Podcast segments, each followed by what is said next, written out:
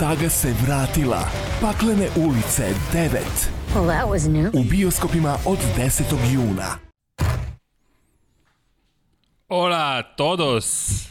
Bienvenido a Vuelta 76 ili ti čao svima i dobrodošli u Lab 76 i konačno da obučemo naše sombrere koje je ekipa Dom Pablo i gospodin Dejan Potkonjak koji je specijalni gost, gost specijalni domaćin večeras ponovo u Lepo 76 pa je posvećen u Formula 1 i naravno gospodin Pavle, Pavle Živković, tako Bravo, je. Srki. Tako da, čao Lepo svima. ti stoji ovdje. A reci, kako mi se uklapa Ne bi nikad skidio na muchacho, mesto. que Hola, pasa? muchacho, que pasa? tako je, tako da, veliki pozdrav ako su nam gledalci iz Meksika ponovo prisutni. Nemamo zastavu ovoga puta, ali ekipa spremila sombrero se. Pajn je tamo, ali nije se uklap, nije imao zelenu majicu pa da uklopi te boje Aston Martina, zelena majica A možda i roze. velika glava, ne? možda je mali šešir. Možda mali šešir. Ali, Da. ćao svima ljudi, dobro nam došli.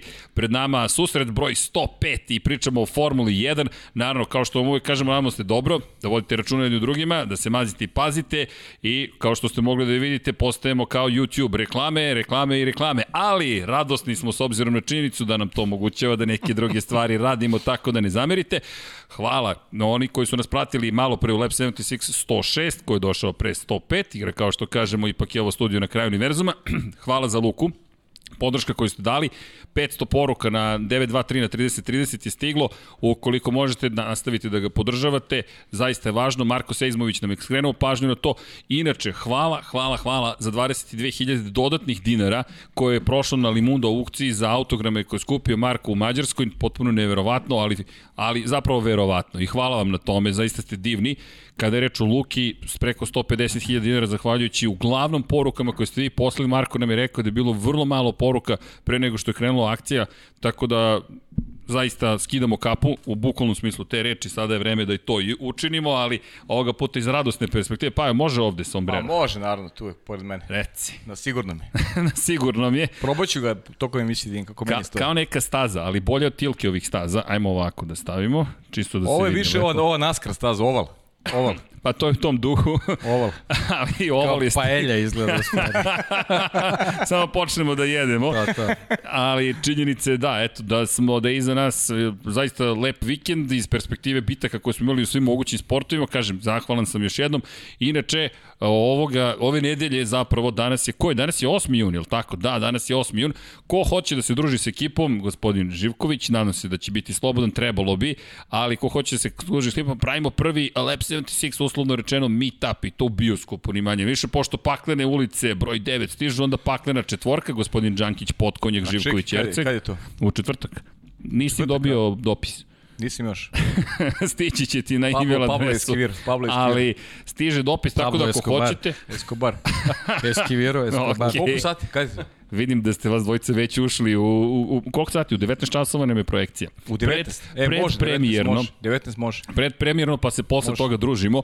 Tako da imamo Meetup Lab 76 u okviru IMAX Cineplexa, pazi, cela Mhm. situacija.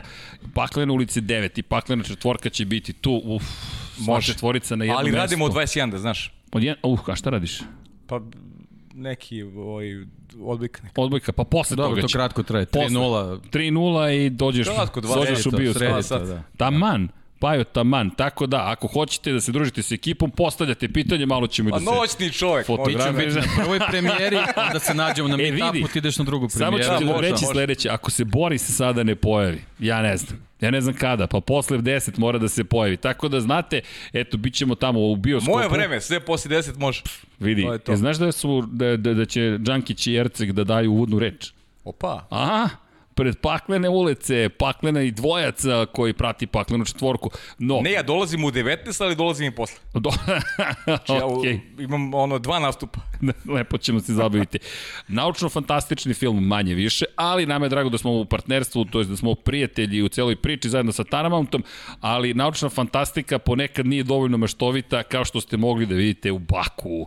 Sergio Perez drugi put u karijeri zabeležio pobedu, ovoga puta prvi put u Red Bullu i tu smo se lomili oko, oko naziva. Konačno ili ponovo ili onda nekako taj ponovo, znaš, prošli put kada je triumfovao ovde sve bilo u oznakama Meksika, mora tako da počne ovoga puta, mada postaje navika. I Sergio Perez, ljudi, Sergio Perez je čovek koji je počeo da eto, pobeđuje prvi posle Daniela Ricarda u Red Bullu, a inače evo Dejan Janić plaća 500 dinara. Gracias por "Hola, donaciones, muchachos." ovo je četvrta. Srki, odmah O. like najavi, zaboraviš. Evo, like, tako da udrite lajkove, da, hvala vam svima. Dakle, da, ovo je ček i četvrti. Opa, i Marko Tadić, pozdrav za Marka, i Mario Vidović, i...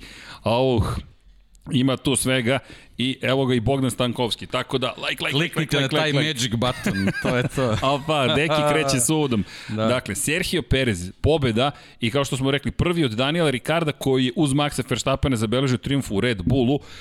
Neverovatna trka, trka u trci, u trci, kvalifikacije, mnogo priča, drama pre početka trke dozvala Maxu Verstappenu da koristi gume koje nije koristio u Q2 delu kvalifikacija, pa onda ta taktička bitka, pa pucanje gume Lensa Strola na Aston Martinu, pa pucanje guma vodećeg Maxa Verstappena, pa crvena zastava, pa sprint od tri kruga u koji su svi promenili manje više kompletne bolide, nove gume stavili, krenuli i na kraju dobili Pereza na prvoj poziciji, Aston Martin, zahvaljujući Sebastianu Vettelu, drugi i Pierre Gasly na poziciji broj 3. Kakvo pobedničko postolje? Postolje odbačenih, bukvalno odbačeni vozači na pobedničkom postolju. Odakle hoćeš da počnemo? Odakle god kažeš, pa ali povrat tako otpisanih, bukvalno. Pa, znaš kako, e, rekli smo da će koristiti šanse u, u, u tom duelu Maxa Verstappen i Lewis Hamilton ostali. Možda Perez je nekako i, i logičan tip uz, uz Valterija Bottas, ali ono što definitivno uh, moram priznati da niko od vas nije očekivao, to je Sebastian Vettel. Budemo iskreni. Sebastian Vettel je, rekao bih, najveća priča. Jeste Sergio Perez pobedio, ali od Sergio Perez i Valterija Bottasa se očekuje da pobeđuju u slučaju da zakažu Max Verstappen i, i, i Lewis Hamilton. Ali od, od Sebastian Vettel bude drugi u trenutnoj konstelaciji snaga, u, u, u opciju koji se nalazi Aston Martin, mislim da je to ipak najveća priča. Nije što makar si za ti mene. to najavio ne, već. ali stvarno mislim da je to najveća priča, ali, zaista. ali jeste velika Zaista priča. mislim da je najveća priča. Uh, E, ali Čeko, čekaj, koja nam je veća? Perez koji uspeva u Red Bullu u petoj trci da slavi ili Aston Martin Vettel ili Ali, ali zar Da, nismo pričali, zar nije nismo pričali, da, zar nismo pričali ti ja da Apsolutno, Čeko, Čeko Perez Novi Staz da imao dva, da imao dva podijuma, staza koja mu odgovara da Čeko je bio sjajan i tokom treninga i tokom kvalifikacije, on je, on je bio barabar sa, Dame- sa Maxom Verstappenom. Dame i gospodo, Sjajno je vozio. komentator 1, komentator 2 i komentator 3, ja vam predajem mikrofon, ali jeste, lepo ste rekli, jeste najveće iznenađenje. Jeste, či, mislim da je Vettel najveće iznenađenje. Čeko, Čeko, Čeko pobeda čeka u konstelaciji snagu koji nema na stazi Maxa Verstappena i Luisa Hamiltona, to nije iznenađenje nikakvo. Ne, ne treba da bude. Ne apsolutno. treba da bude, zaista. Mislim, a, a pritom je imao savršen vikend. Pre trke on je bio sjajan. Svi treninzi, kvalifikacije, sve je bilo ovog puta za čeka top, što se kaže. I zaista je vozio trku sjajnu i, i obavlja ulogu vozača broj 2 na maestralan način. Lewis Hamilton mu nije mogao ništa. I ne bi mu mogao ništa do kraja trke. Sve je odradio čeku kako treba. I na kraju je pokupio, da kažem, e, eto tu, tu situaciju koja se desila prvo sa prvo sa, sa Maxom Verstappenom odustajanje, zatim Lewis Hamilton ta greška po brko dugmiće čovek i to je, opet kažem, logično negde, e, dešava se, znači to je pritisak. Imaš sedam titula, ali se nosi sa pritiskom i to ono što smo očekivali na početku sezone, da će Lewis, e, ja imam utisak da nikad nije bio takvim pritiskom kao što je sad. I zato ova sezona je sjajna, dramatična, volimo je što je takva i, i ne znam, uživamo do kraja. Mislim da ćemo uživati do kraja u toj borbi koju, koju vode Max i, i Luis. kako šašavo pobedničko postolje. Odatle je sve krenulo. Pogledaš i kažeš, ok, Perez, Vettel, Gasly. Perez nije imao posao do poslednje trke prošle godine. Smenio ga je Sebastian Vettel, koji je došao u Racing Point, koji je postao Aston Martin. Pierre Gasly je izleteo iz Red Bullu, koji je kasnije otišao Sergio Perez, na mesto Albona, koji je zamenio Gaslija, I sada sva trojica na pobedničkom postolju, Meksiko, Nemačka, Francuska. Ali imaš Gaslija koji ima i prvo i drugo i treće mesto, ima čovjek sada već Trilling. kompletirao je sve što pa je pehare. Posle, To odlaska, posle odlaska iz Red Bull. To je i rekao. I zaista emotivno pobedničko postoji, pri čemu Charles Leclerc u Ferrariju na poziciji broj 4, pa Lando Norris u McLarenu, pa, pa Fernando Alonso, evo malo iza Fernanda Alonsa boje, šesto mesto, da ne zaboravimo ono što je Deki Stavili napisao pod pod naslov, naslov. da, ne, da. ne, Deki je lepo napisao. Jeste. Dva ex šampiona, tu su Yuki Tsunoda, bravo za Novajliju, sedma pozicija, Carlos Sainz u drugom Ferrariju, vredni poeni, Daniel Ricardo posle svih problema u poenima i prvi poeni za Kimija Raikkonena. Pa i Carlos Sainz posle onih greška koje je napravio, završio pored staze, vratio se, osmo mesto je sasvim korektno za Pa njega. evo, otpisani i Kimi koji osvaja prvi poen ove sezone. šampion. Ex-šampion. Sve se naređalo. Aktuelni šampion, međutim, pozicija broj 15, posle one velike greške. I, I to je sad pitanje odakle krenuti. Kvalifikacije, hajde da, hajde malo da damo ipak nekako redosled. Da Kvalifikacije, krenemo iz Monte Carlo. Da krenemo iz Monte Carlo, da. tako je, da Ajde. krenemo iz Monte Carlo. Ili iz fabrike tamo gde su probali skinu točak. E, bravo, O, vratili može i smo to, se na- može na sta- Pa ne, znaš kako, problemi su krenuli i, i, i uticali su. Ne, ne, niko Kako ne može ne? da kaže da nisu. McLaren, to oprostite, Mercedes, Mercedes. koji je, da, ok. Ej, da, jeste vidjeli taj, taj film, taj to pitanje kada su pitali Luisa Hamiltona uh, da navedi i tim na slovo M. Da. I Lewis Hamilton u bojama Mercedesa sedi i kaže McLaren. I, i stop. I stopa i kao Pa. McLaren. I kao, ups, možda ću biti u problemima. Prva, prva ljubav zaborava nema. Izgleda da nema. Ali eto, činjenica je da je Mercedes imao problem sa Bottasom, to stajanje koje je završilo katastrofalno po Bottasa i skidanje točka je trajalo to jest 43 sata kasnije su skinuli točak, ali pritisak se tu već otes, o, osetio. Lewis Hamilton koji je rekao da je ekipa krivo, gotovo u Pa potpunosti, ko je, ko je napravio pritisak? koja je napravio pritisak. Lewis Hamilton. Nije dobar trenutak bio za to, definitivno. Nije bio dobar trenutak i to se videlo u Baku gde smo postavili pitanje može li Ferrari na osnovu brzine koju ima u Monaku u onom sektoru 2 nešto da učini i učinio je, mada ono što su i otkrili kasnije, čekali su zavetrinu Luisa Lewis Hamiltona, Hamilton, da. ne bili omogućili veću maksimalnu brzinu Charlesu Leclercu na pravcu, što iskoristio i došao do druge pol pozicije za redom. Činjenica, opa, hvala timske kolege u kvalifikacijama, Charles Leclerc, Carlos Sainz, Lewis Hamilton, Valtteri Bottas. Zapamtimo ovu grafiku, ova razlika između Lewisa Hamiltona i Valtterija Bottasa. Max Verstappen, Sergio Perez, Pierre Gasly, Yuki Tsunoda, pa Lando Norris, Daniel Ricardo, Fernando Alonso koji pobedio Esteban Okona i ceo vikend je manje više bio uspešniji. I onda imamo Georgea Russella, Nikola Latifi i Mika Schumachera i Kitu Mazepina. Međutim, pre nego što stignemo dotle, pol pozicija, druga za redom, a Yuki Tsunoda u zidu i neko je napravio šalu. Šta se desi kada se istaknu crvene zastave na kraju kvalifikacija u Formuli 1? Charles Leclerc Charles Leclerc, pol da. poziciju. Ali ovoga puta to nema veze s Ferrari, niti je njihova greška, niti bilo što slično. Tsunoda je prosto napravio izazvo incident u želji da nešto više učini. Jeste, učestvuje. Carlos Sainz. I odjednom mi imamo situaciju u kojoj Charles Leclerc ponovo kreće s pol pozicije. Ajmo, deki. Pa da, kreće sa, pol, sa, kreće sa pol pozicije, ali nekako već u tom trenutku nam je bilo jasno da je to u tom trenutku, da, da kad krene trka neće biti tako, ali naravno super je druga pol pozicija za redom, to je onako za njegovo samopouzdanje, za samopouzdanje ekipe jako, jako važna stvar. Tako da dobijamo Ferrari polako, jo, još tu ima nekih, nekih problema. Ovo, ja se možda samo ne bih složio sa vama, ne bih baš pohvalio Carlosa Sainca za ono šta se uh -huh. dešavalo na trci, ali jednostavno nije tipično za njega. On je stvarno vozač koji ne greši toliko.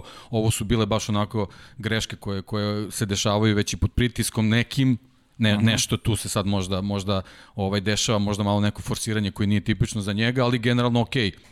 Izvuko je najbolje iz te Izvukao je, da, situacije, da, to. uzeo bodove koji, koji za ekipu dosta znače pre svega, tako da, da, da je iz tog ugla, iz tog ugla sasvim okej, ali ovaj, generalno zaista mislim da ni oni ovaj, posle osvajanja pol pozicije nisu očekivali da to mesto mogu i da zadrže kad krene trka, posebno u onom prvim krugovima DRS i tako dalje. To, to je već, Ali evidentno, već je tu da, bilo evidentno problem, je da ne mogu na, na ovakvoj stazi da, bilo, da, Ferrari ne može Da, sa, sa da. najjačim. A što to se je- tiče recimo čeka, ako, ako se prebacimo uh -huh. na, na tu stranu, jedini njegov mali minus je ta pozicija na, u kvalifikacijama, ali zato početak trke Perfektno. fenomenalan. Da, Jeste. apsolutno, onako u stilu velikog vozača kao, kao, što, on, kao što on jeste. Jeste. On je na početku sezone najavio i imao je problema da se navikne na na novi automobil, Srđan i ja smo pričali, pa smo se malo šalili kao kad uzmeš sa, sa Xboxa, kad pređeš na, na, na PlayStation, pa treba ti neko vreme da se navikneš na novi joystick, tako je on verovatno imao, imao problem da se navikne na volan, jer moramo da podsjetimo, oni nemaju predsezonu kako, kako imamo u normalnim godinama, ovaj, tako da je njemu trebalo malo vremena da se navikne i taj automobil, mislim, na, na dobro se lako navikneš i vidimo, vrlo, br, vrlo brzo je ušao u fazon i pravi trenutak da se to desi na stazi koju poznaje.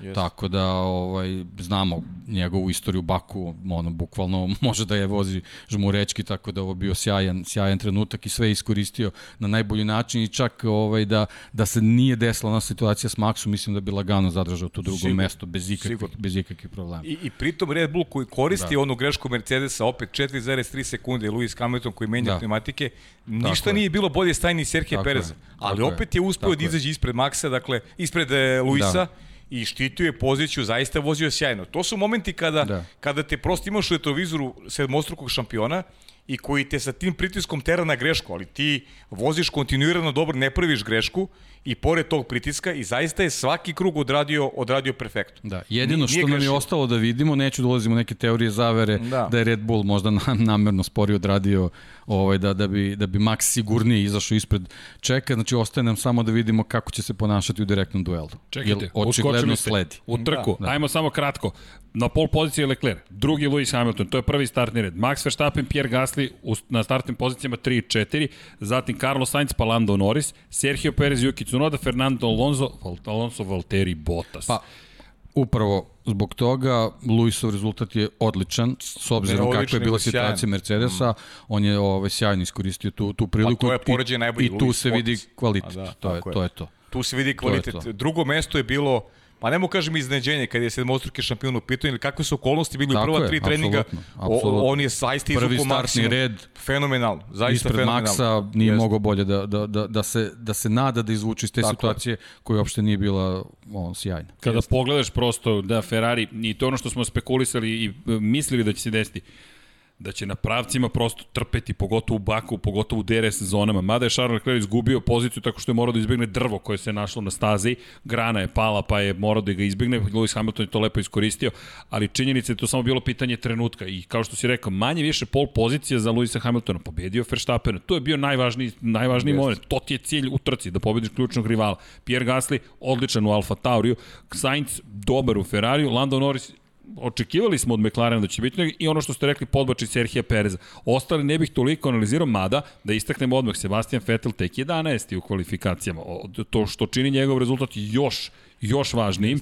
Pa Okon, Ricardo, vrednijim. tako je. Pa Kimi Raikkonen, Russell Latifi, Mick Schumacher, Nikita Mazepin i dve napomene. Lance Stroll izleteo sa staze u kvalifikacijama.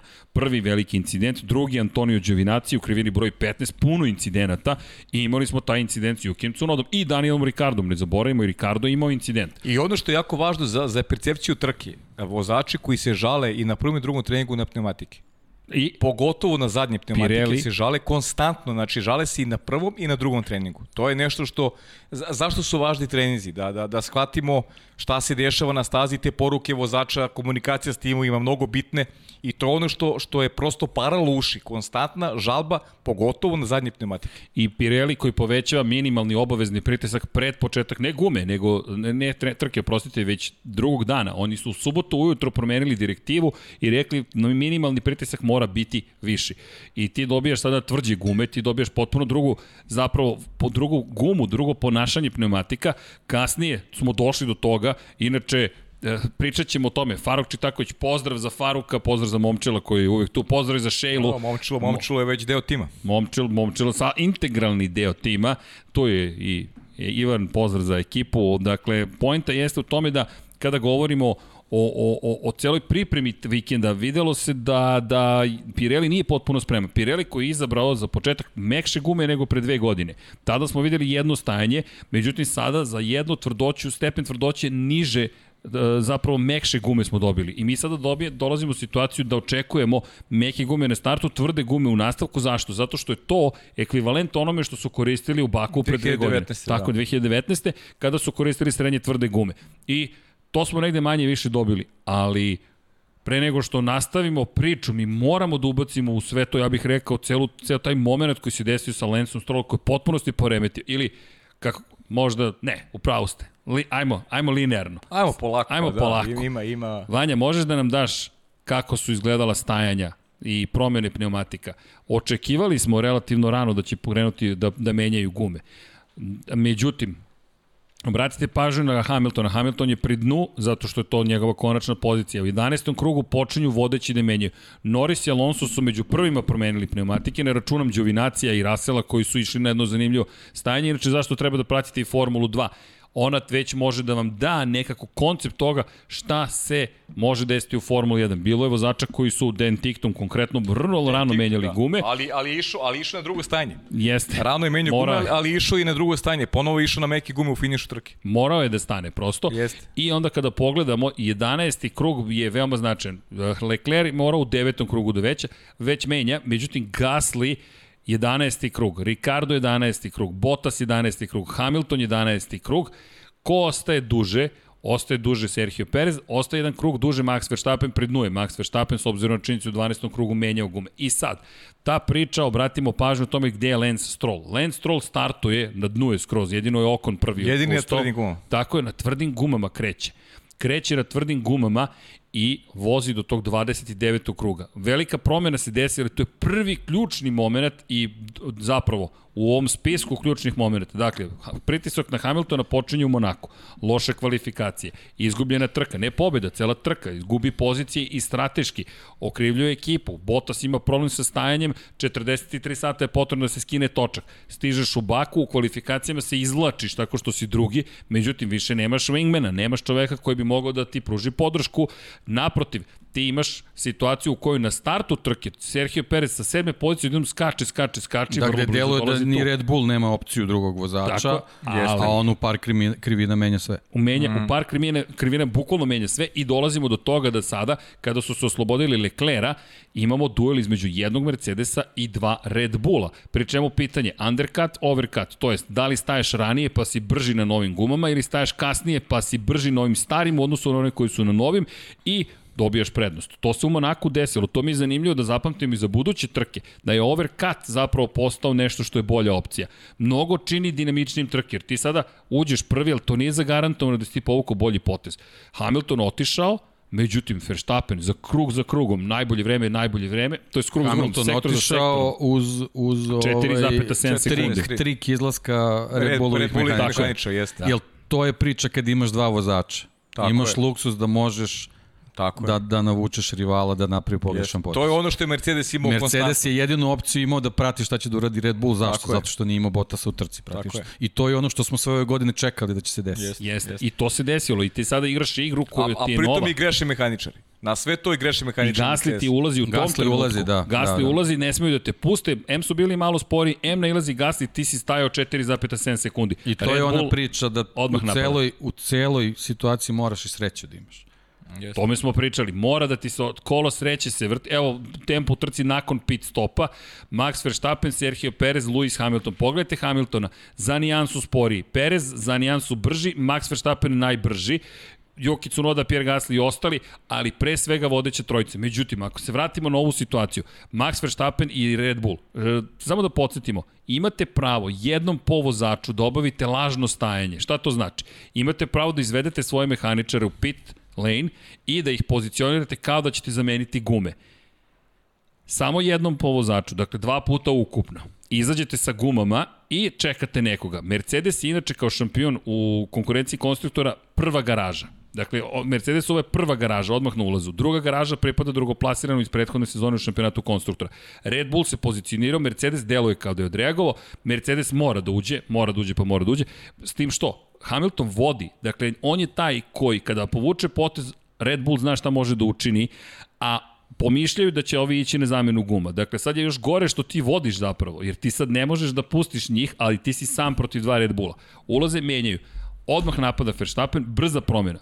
Čeko je još brži, ima krug više i deluje da bi izašao prvi čak Čeko, međutim, dovoljno je što je izašao čak i drugi. Bilo je dosta spori, nismo navikli da je, da je dosta spori, ti Ne, si posebno, prokomentarisao. posebno kad se vidi kakav je pit stop Max imao. Sa 1.9. 1,9. Mislim, ono, može da, da Pa, ljudi, probudi ali- neka a- pitanja, ali, okej, ali, ali zar nije- potpuno legitimno, skroz da, okej, ali skroz zar okej. to nije očekivano? Ja kažem samo, eto, još nam samo nedostaje situacije da vidimo Pereza i Maxa jedan do drugog šta će se tu desiti, ali mislim da Mislim da je... Ne, mislim ne, da je Mislim sve da je jasno. Perez mislim da je sve svestan. jasno. Ma da, da I ne mogu, iskusan, nemoguće da. misije, to je to. I ne Ovo samo je za to. njega ogroman boost u karijeri generalno, taj prelazak u Red Bull, tak, a ovo je tek, Pa tek izje, neka posle velika trka priča, pričamo da. o tome, na- znači Da, da, da. Perez je savršeno svestan ulogi koju je dobio. Zašto je došao u Red Bull? Da Čekajte, to je to. ljudi, on je umnožio svoje pobjede, ovo je druga pobjeda u karijeri. Od čoveka za koga smo govorili, šteta što nije u Baku pre tri godine, 5 godina sa Force Indijom došao do pobjede. Mi sada pričamo o čoveku koji bi mogao direktno da bude taj koji donosi titulu šampionatu konstruktora Red Bullu i bude čovek koji će otvoriti priliku da Red Bull posle 2013. prvi put dobije šampiona u Formuli 1. I da vidimo, ajde da sačekamo da vidimo Znaš, kako će, kako će se ponašati u Francuskoj za, za, za dve nedelje. Ja, po, poseban značaj njegove pobede je da je završio trku kao drugi. To bi bilo super za Red Bull vezano za, za dvostruku pobedu, ali u generalnom plasmanu a, pod pretpostavkom da su Max i Louis završili trku, to ne bi značilo ništa mnogo, ali s obzirom na odustajanje Maxa i, i Hamiltona, njegova pobeda i 25 I bodova je... odsustvo Bottasa oga- iz vodećih 10. To da ne pričamo, to je... To je vidi, da. mislim da ćemo morati, ali Botas doći ćemo. specijalna priča. Taj plus 25 posebno se računa na kontu u, u, šampionatu konstruktora u ovom trenutku. To je kao, kao da Mercedes nije bilo u trci. Evo šampionat konstruktora, pogledaj ovu liniju kako je Mercedes u poslednje dve trke stao. Stao. Bukvalno je stao, praktično ne, ne stoji. Od 141... Da, kad se setimo nastupa u, u, u, u Barceloni, Mercedesa kakav je bio, Ja, pa dobro, i Monaco. i ona nemoć, i da. nemoć Red Bulla i posle toga bukvalno obrnuto sve. Samo isečena linija. I to na stazi koja je onako po defaultu trebala da bude njihova. Šta smo pričali? Ko je pobeđivao ovde? 2016. pritis, Niko pritisak Rosberg. jeste, ono smo pričali, pritisak jeste bio na Mercedesu na ovoj trci. E, ali upravo u tom momentu, pazi sad koji ti pritisak imaš. Ti si Lewis Hamilton i ispred tebe, on je pitao kako je moguće da su i toliko ispred. Ti ispred tebe je sad odjednom Perez, a tamo je negde u daljini Max Verstappen. I Hamilton koji je konstatovao, toliko im je siguran zadnji kraj da je ovo gotovo nemoguće. Pa dobro, ali, ali ovo je greška i Tiba. 4,3 Jeste. sekundi za takvu trku, to je užas. Znači, to, to, to baš, baš Da katastrofalan izgubiš jednu mehaničara. poziciju i hajde, ali da izgubiš dve i to obe protiv Red Bulla, ali to je opet ta priča da li je Red Bull našao svog čoveka, jeste. Ne vidim da li bi Alex Albon ovako odvezao, ne vidim da bi Pierre Gasly u onom Pa, momentu teško. Red Bullu odvezao. Možda danas Pierre Gasly. Možda bi, danas. Možda bi danas odvezao, ali u onom momentu, u onom momen- momentu teško. I sad dobiješ situaciju gde je Hamilton pod još većim pritiskom, gde je ono što i govori, stabilan zadnji kraj, s tim što?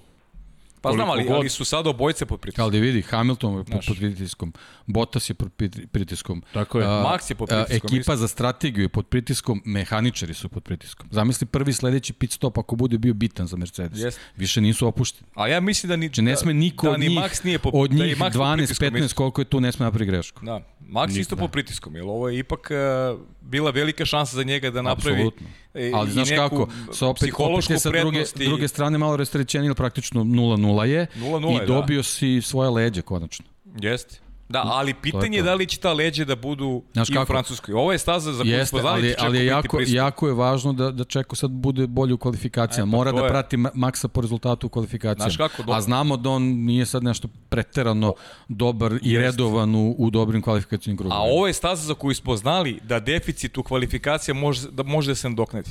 Da. Dugačak pravac, ima mesta gde, gde može se Ne, pretiče. ne, on je Znaš, Čeko je odradio posao. Početak trke- Na nekim drugim stazama Čeko loše Da. kvalifikacije znači da, da ga neće biti u konkurenciji. Koliko god, međutim, to bila priča o njima trojici.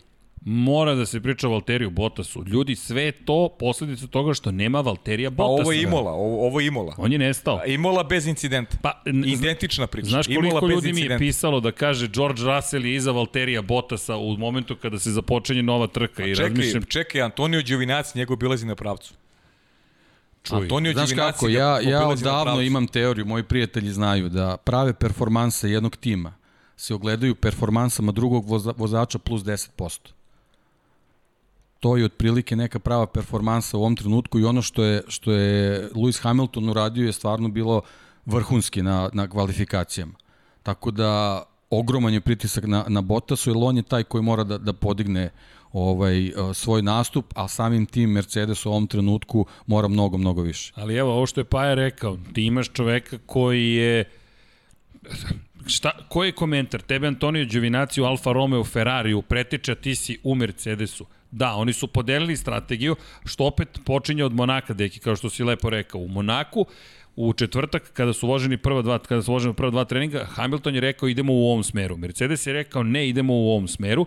Veoma je bio nezadovoljan time. Sada smo došli u Baku i pretpostavljam da je takođe bila situacija idemo u ovom smeru, a tim je rekao idemo u ovom smeru. Rekli su, ok, delimo strategiju, to je delimo način koji ćemo pristupiti trci. Bottas dobija krilo, ko, to je Bottas dobija krilo koje ima mnogo jači, ima veći aerodinamički pritis, otpor, prostite, ali i na aerodinamički pritisak kroz sektor broj 2 treba da nadoknadi. Hamilton je tražio nešto labaviji bolid, to jest zadnji kraj bude mnogo manje zapravo prikucan za tlo.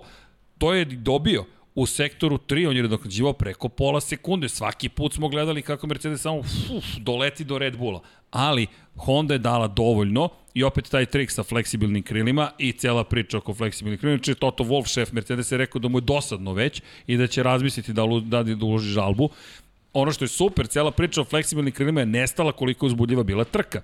I mi sada dolazimo u situaciju u kojoj mi zapravo pričamo o tome da ti imaš tim koji sada mora da razdeli taktiku, to je način na koji pristupa trci i kod bota sad to takođe može da proizvede negativan efekt od kontekstu samopouzdanja. Da li sam ja sad dobio, da li nisam. A videli smo da već nije na, tom, na tako visokom nivou i onda ovo Ovo je katastrofalno bilo što si rekao sa Đovinacim, to je potpuno neprihvatljivo. Pogotovo ako je tebi toliko bolji bolid u sektoru 2, To smo videli Čeko šta je radio protiv sedmostrukog svetskog šampiona. Pazi, čovjek koji, koji vozi Mercedes nije nadoknadio poziciju, naprotiv, gubio ih je tokom trke konstantno. On je bio 10 i on je konstantno bio 10 i počeo da gubi pozicije i, i od Giovinazzi, ne pocenjujem Giovinazzi, ali prosto Valtteri Bottas, znači mora da pobeđi Alfa Romeo, pogotovo na stazi gde je on vozio sjajno prethodnih godina. 2010. se pobedi, 2018. imao i peh. Nemoguće. Zaista nemoguće da vozi toliko loše užas jedan kakvu trku imao Valtteri Bottas. Znači, ne, nema reči opravdanja, bilo kako opravdanje za, za Valtteri 12. Bottas. 12. pozicija na kraju. Katastrofa. 12. Bukvalno. pozicija 12. pozicija u trci u kojoj nema Max Verstappen i Luisa Hamiltona. Pri imaš pored... restart, da neki vozači u slabim automobilima nadoknjažuju po 3, 4, 5 mesta u tom restartu. Čekaj, hoćemo special shout out za Fernanda Alonso. Da, da, da. Izvini, da, da. Alonso koji je pokazao u završnici šta može da uradi. Alonso odjednom šeta kroz konkurenciju. Ima Formula 1 je okačila video iz njegovog bolida da se vidi taj restart u kako bi nazvao to toj toj drugoj trci. Da, to u sprint da, trci. Da, sprint trci. Pričat, da, pričat ćemo da, o tome, da, da, da, Ross Brown da, koji... overtime, da, overtime. Znači, znači no, da, školski produže. primer šampionske vožnje. Šampionske, Šampionska vožnja. Prva krivina uz teme, da. uz zid je prošao i onda u nastavku pa ponovo na kočenju, pa ne, Alonso i lepa poruka ekipi Alpine.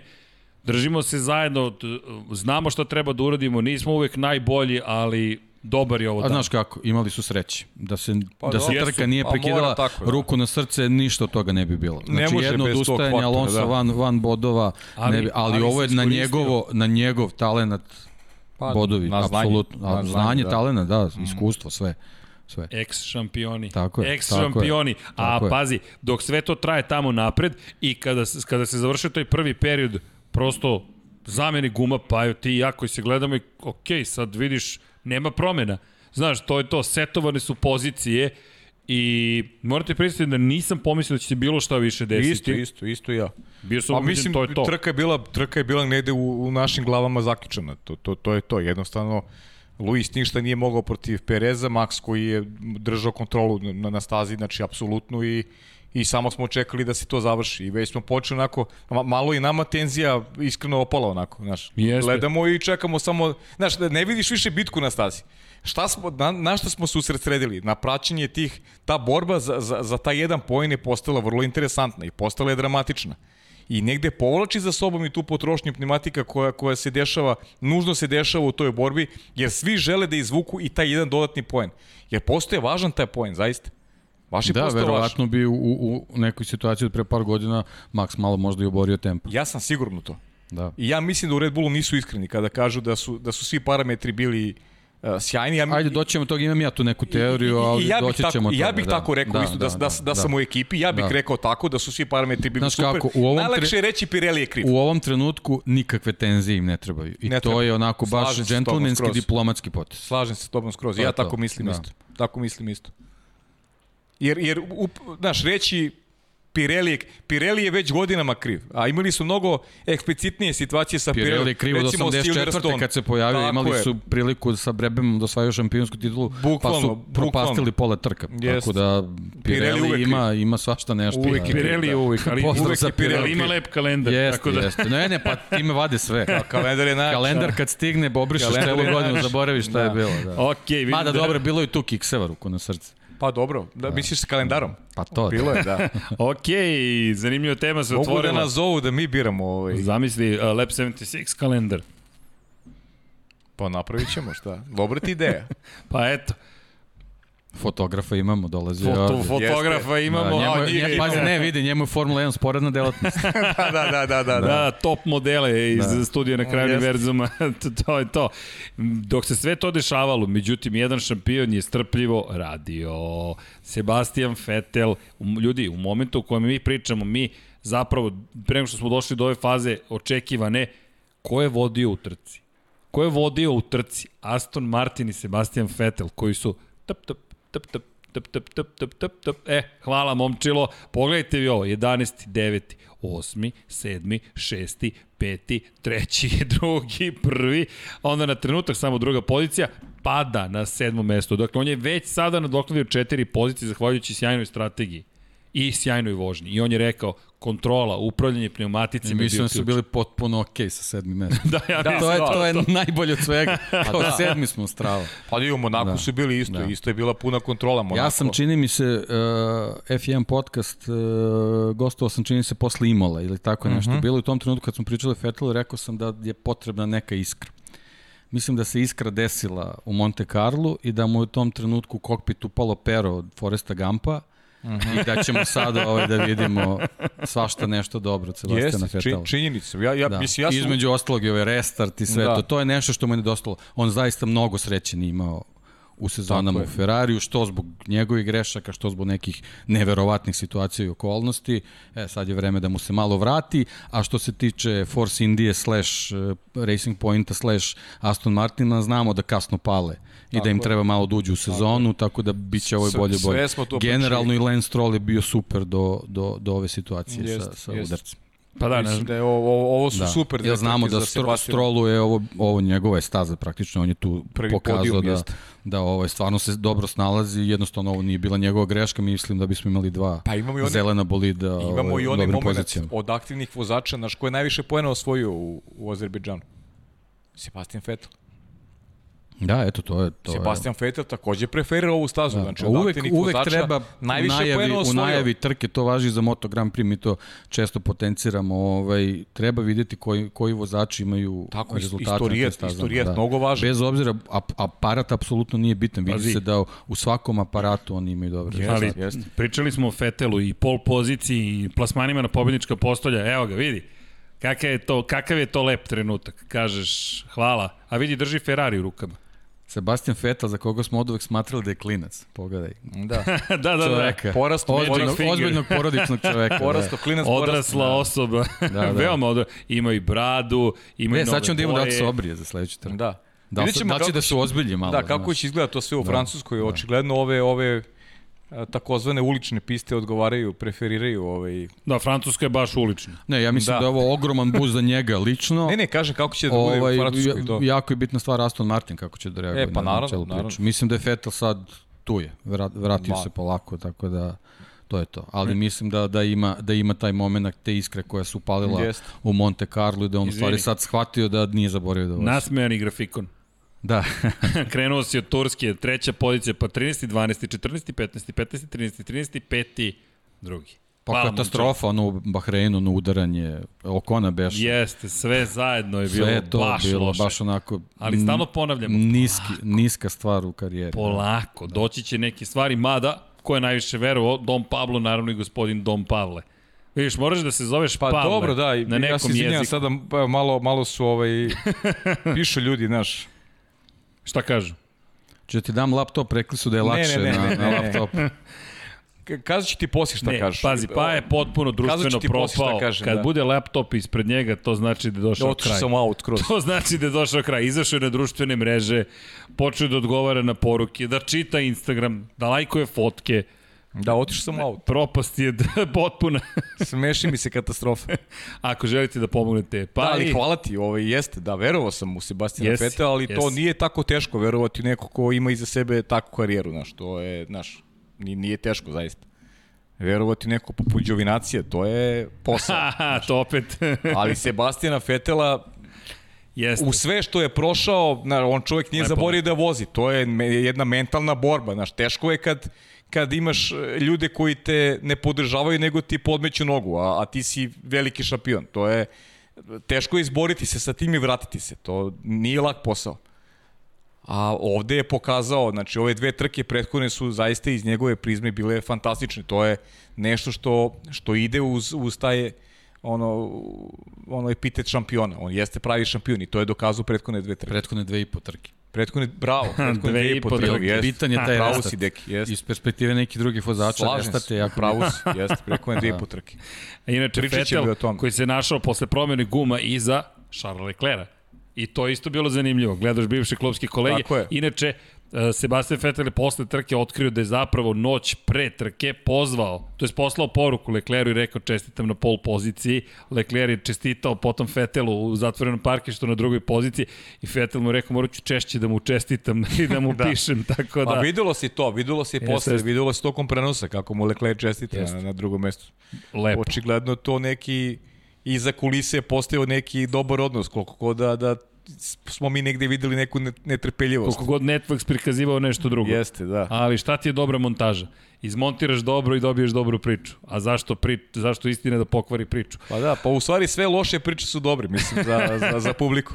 Da, inače Pierre Gasly u, sve, u cijeloj toj priči je vrlo konstantan, sve to čeka. Međutim, mi kažemo, ok, ova trka je završena, a Lance Stroll i Pirelli kažu ne. To je Pirelli pre svega.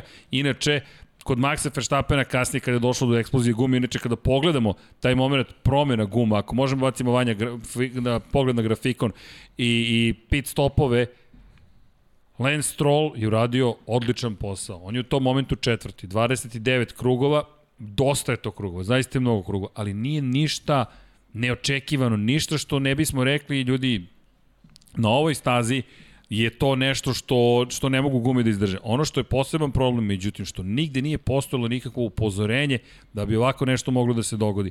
I to je ono što je najveći problem, što ni jednog momenta zapravo timovi nisu imali upozorenje. Kada pričamo o konkretno Red Bullu, Red Bull koji je kasnije rekao da prosto smatra da treba da se zaustavi trka da bi timovi mogli da promene pneumatike, rekao ni jednog momenta mi nismo imali upozorenje da će ovako nešto da se desi.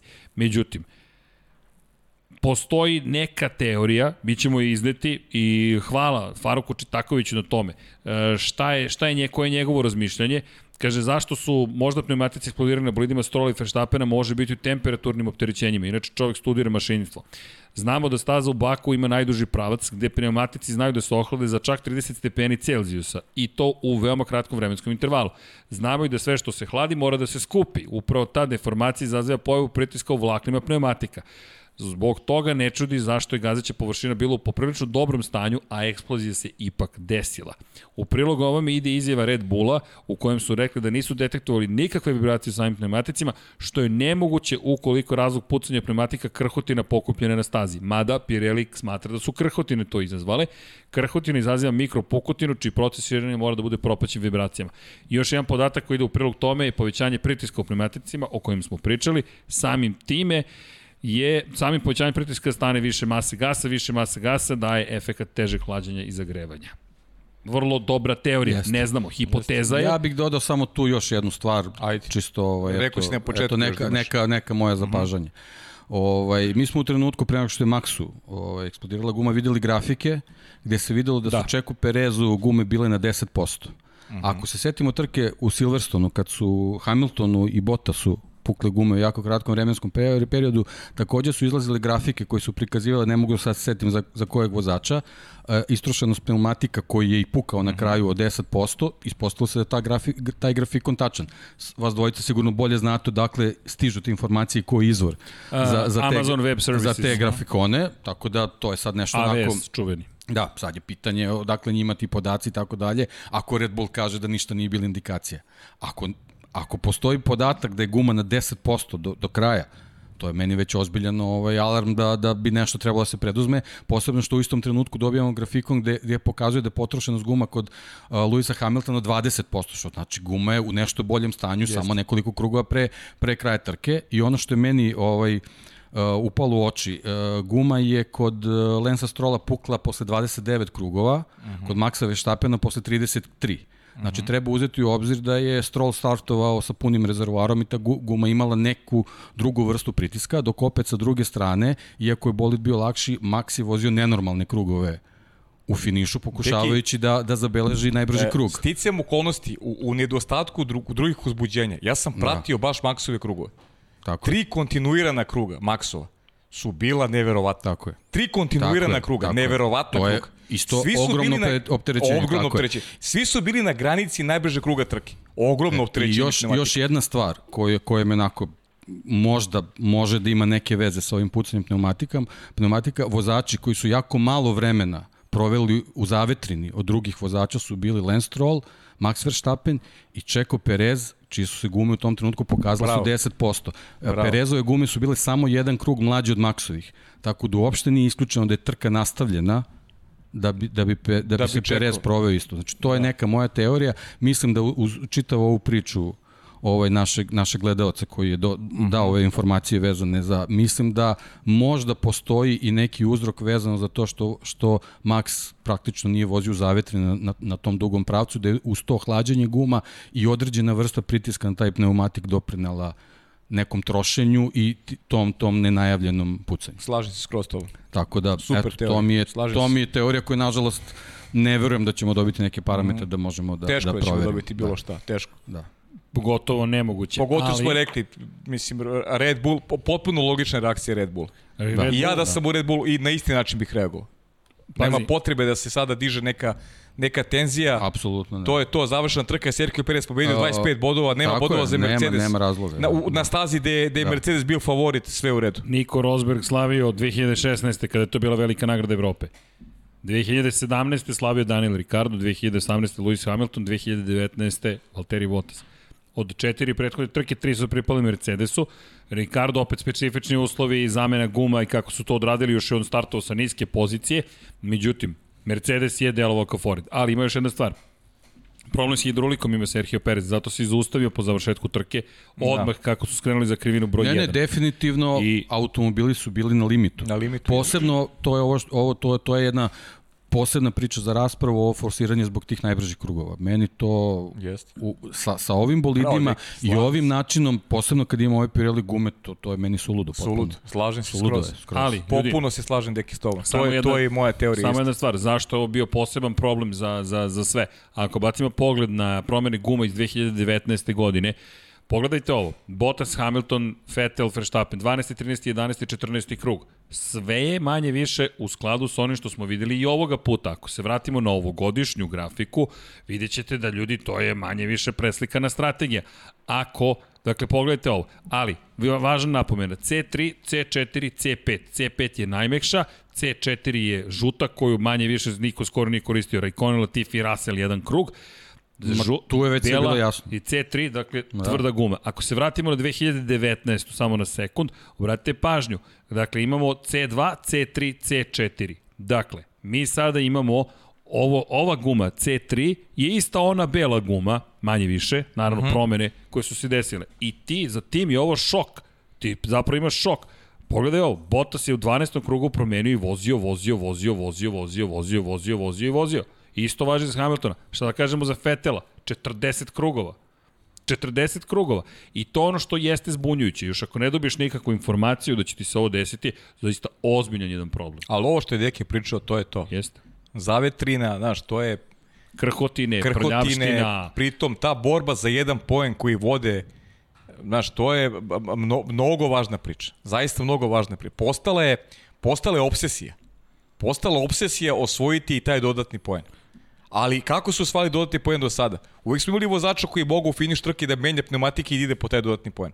Ovde je maksimalno opterećenje bilo. Jel Niko Rosberg rekao i e, Niko Rosberg je rekao uh, u, u čini mi se još u subotu da se plaši da, da, da se ne dogodi neki gumni defekt na, na statućenom pravcu. I dogodila su se dva. Da. Dogodila su se dva. I stvarno su bilo onako, izgledala su prilično... Mislim, pohvala bezbednosti generalno. Tako je. Apsolutno Sam- ništa samo to. osim krhotina. Osim- tako je. sve okej, potpuno. Jeste, I za jednog jeste. i za drugog. Mislim, ogromne brzine, neočekivane situacije, sjajne reakcije obojice. Ovaj, ali, Je, sve, ali sve, sve super. je... To su neke stvari, ali dobro, mislim, imali smo, eto, opet vraćamo se u po- prošlost, Nigel Mansell, borba za titulu, 86. godine u Adelaide, pucanje gume na pravcu, mislim, to su stvari koje se dešavaju, ali ovo jednostavno, a, ovo su nekako, nekako sinhronizovane stvari. Kažem, ja u ovoj čitavoj priči nisam daleko od teorije da je Perez u sledećem krugu mogao isto da prođe. Slažem se. Ovaj, imali Pa, smo, a, a te- imali te smo procente- vezano za Mercedes prošle godine, to je Silverstone, znači bukvalno u, u, u, to, je, to je par kilometara razlike, nisu bili isti Pa i- krugove, ali u par kilometara su Bottasu i Hamiltonu pukle gume. smo i ranije godinu u Silverstonu, takođe da. i Sergio Perez je čak Tako je, u je. To je, to je, to su znači stvari gde su automobili u setupu, gde bukvalno u mikrometri su razlike u, u nekim podešavanjima, bukvalno su u istim trenucima da. dešavaju te stvari i e, to navodi da to ne može da bude slučajno. Ne može. Znači jednostavno ovaj, to su stvari na kojima mora da se meni poradi. da. nije, nije to za pucanje, alibi je priča Da. pucanje u Pirelli. Da, ne, Pucati ne, ne. u Pirelli, ne. Mislim da je alibi priča. Pirelli radi ono što vi tražite. Tako je. Međunarodna automobilska federacija je rekla, mi hoćemo uzbudljivije trke, hoćemo više promjena pneumatika. Ok, mi ćemo to da vam obezbedimo, ali onda i vi morate, ali da poštujete neka pravila. Problem je što je Pirelli nešto preporučio, timovi su rekli, ok, to je to. Ali mislim da ne može da se svede samo na Pirelli. kak? Ne, ne, Malo ne, pre ne, smo ne. pričali o tome, međutim, oni ljudi zaista proizvode pneumatik koji je neko rekao, ej, mi hoćemo ovo. Oni će naprave šta hoćeš. Znaš kako, Formula šta 1 god je stvar hoćeš. vrhunskih performansi. Ti imaš zadate parametri, na osnovu njih praviš nešto što je 100% na, na, na, na svojim mogućnostima. E sad, imaš, na primjer, primjer tamo Champ Kara, Indy Kara u Americi, Inače je Formula 1 90. godina dosta stvari vezano za bezbednost pokupila sa, sa bolida koji su pripremani za, za ovalne trke, posebno posle Seninog udesa i tako dalje i tako dalje. Ovaj, Uh, tamo imaš isto, isto dve, dve smeše koje se koriste. Pritom drastične su razlike u performansama. Znači imaš gumu koja može da te izvuče nekih 5, 6 do 10 krugova, gde si 3 do 4 sekunde brži od, od vozača na drugoj smesi i na tebi je kad ćeš da ih koristiš u zavisnosti od strategije. Hoćeš na početku trke, na kraju, znači imaš trke 60-70 km, recimo nekim normalnim e, 60-70 krugova na nekim normalnim stazama kao što imaš u Formuli 1 na tebi u zavisnosti od pozicije tokom kvalifikacije. Hoćeš na početku, hoćeš na kraju, drastične su razlike. Jeste. I jednostavno tome služi e, ovaj straki, strategija i taktika. Ti da imaš recimo superiornost kao prošle godine gde, gde je Mercedes imao luksus da, da za, za, za, jednu, za jednu, jedan, jednu tvrdoću guma vozi drugačije smes u odnosu na ostatak grida, zato što to boli dozvoljava da, da ne treba da koristi DRS i da je brži od bolida koji je u DRS-u. To su neke stvari o kojima trebaš da razmišljaš. A ne sad, recimo da imaš one godine kad smo imali ljubičastu, ljubičastu boju, ja ne znam koliko smo guma tad imali. Prvo, ako, ako tražiš zanimljivost, ko će od gledalaca to da prati? Mm. Vi možete da pratite ako imate milion nekih informacija tokom prenosa Pa dobro, imaš, ili, vidi. ili neko od nas ko se interesuje, ali neko ko, ko sedne da uživa, da se zabavlja, ko će Slažem to da prati? se, slažem se. Ko će to da prati? Vidi, mislim Izvini, da je, ovde, o, sam, samo sa bakom Ne, da naravno, naravno. Znači imaš neke tri smese gde na kraju kad dođeš na stazu jedna se i ne koristi. I sad ti kao neki neutralni gledalac kažeš, pa čekaj, čemu služi ova žuta, što, što to tu postoji uopšte. Znaš, to su neke stvari na kojima treba se radi, a ne sad optuživati Pirelli što ta guma ne može da izdrži ne znam koliko krugova.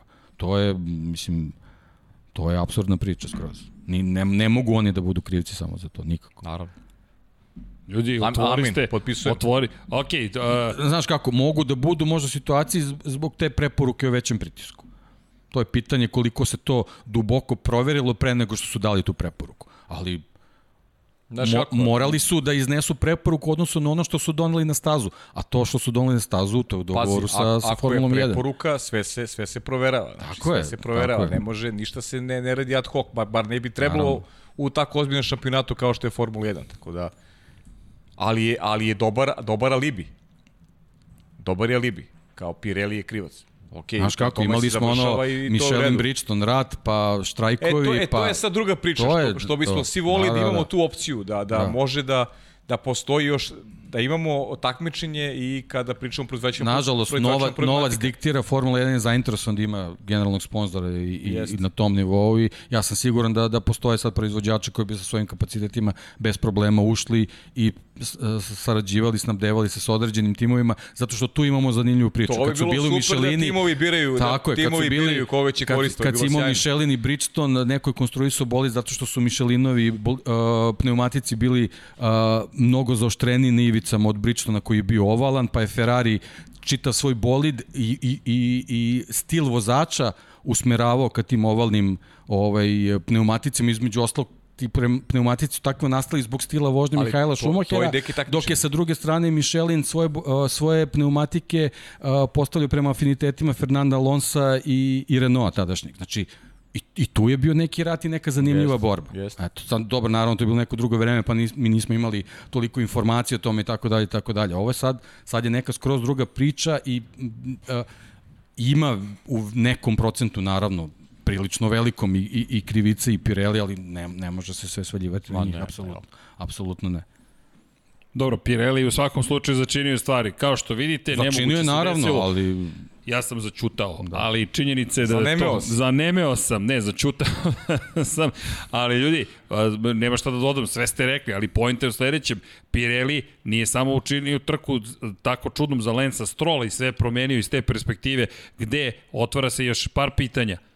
Kod Lensa Strola nismo imali crvenu zastavu. E, bravo, to je ključno pitanje. Kod Maxa Verstappena smo imali Tako crvenu je. zastavu i još gore, nisu odmah hteli da istaknu crvene zastave, niti da iz, čak ni da izvedu vozilo bezbednosti. Charles Leclerc je morao da se uključi i da Michaela Masija kontaktira direktno, to jest da kaže O čemu pričate da nema još uvek vozilo bezbednosti? Odmah vozilo bezbednosti. Mi pričamo o kraju startnog ciljnog pravca, gde oni razvijaju preko 300 km na čas, ali nema vozila bezbednosti. Šta je? tom imaš Show? istoriju gde Bota su pukla, Pukla guma, guma, zato što je 2018. naleteo na krhotine iz prethodnog kruga. Mm, da. To, I, i, I ljudi, to je, da. Da. to je mnogo veliko pitanje, mnogo velika tema i vozači su rekli da će pričati o tome na sledećem sastanku sa Michaelom Masijem. I ima tu još priča, mnogi nisu uopšte usporili na dvostruke žute zastave to, je, dovoljno. to je poseban. Što to je, je tek posebno. dramatično i to je Michael Masi rekao kada je McLaren tražio kaznu za Yukija Tsunodu koji nije pustio Tako je, gas. McLaren traži Yuki Tsunodu. I McLaren Michael Masi je rekao da nisu mnogi. pustili onda bi gas. svi morali da budu kažnjeni. Tako je. I imamo tu mnogo problema, svi moraju da razgovaraju jedni s drugima. I to opet se vraćamo... A mislim da su absurdne crvene zastave bile, definitivno. Pa, vidi, Ako se nisu dogodile posle incidenta sa Lensom Strollom, nisu trebali ni tada da se to dogode. se dešavaju. Jer I ima sad to... mnoga pitanja njima koje dobijamo, znaš, da li je tu uticaj, znamo kako su reguli iz Red Bulla, sad imamo pitanja da li je uticaj Mercedesa, da li je Mercedes e, taj koji je uticao takođe na celu priču, da su smatrali mogu da dobiju trku ukoliko se e, ponovi start. Tako da ima mnogo sada teorija, teorija zavere, mi svi, kako bih rekao ovde, mi smo na ovim prostorima skloni teorijama zavere, to nije, nije ništa sporno, ali ja smat, stvarno smatram da, da nije bilo potrebe da se, da se da, da, do, da dođemo do momenta da se bude crvene zastave. Imamo dva kruga pre kraja.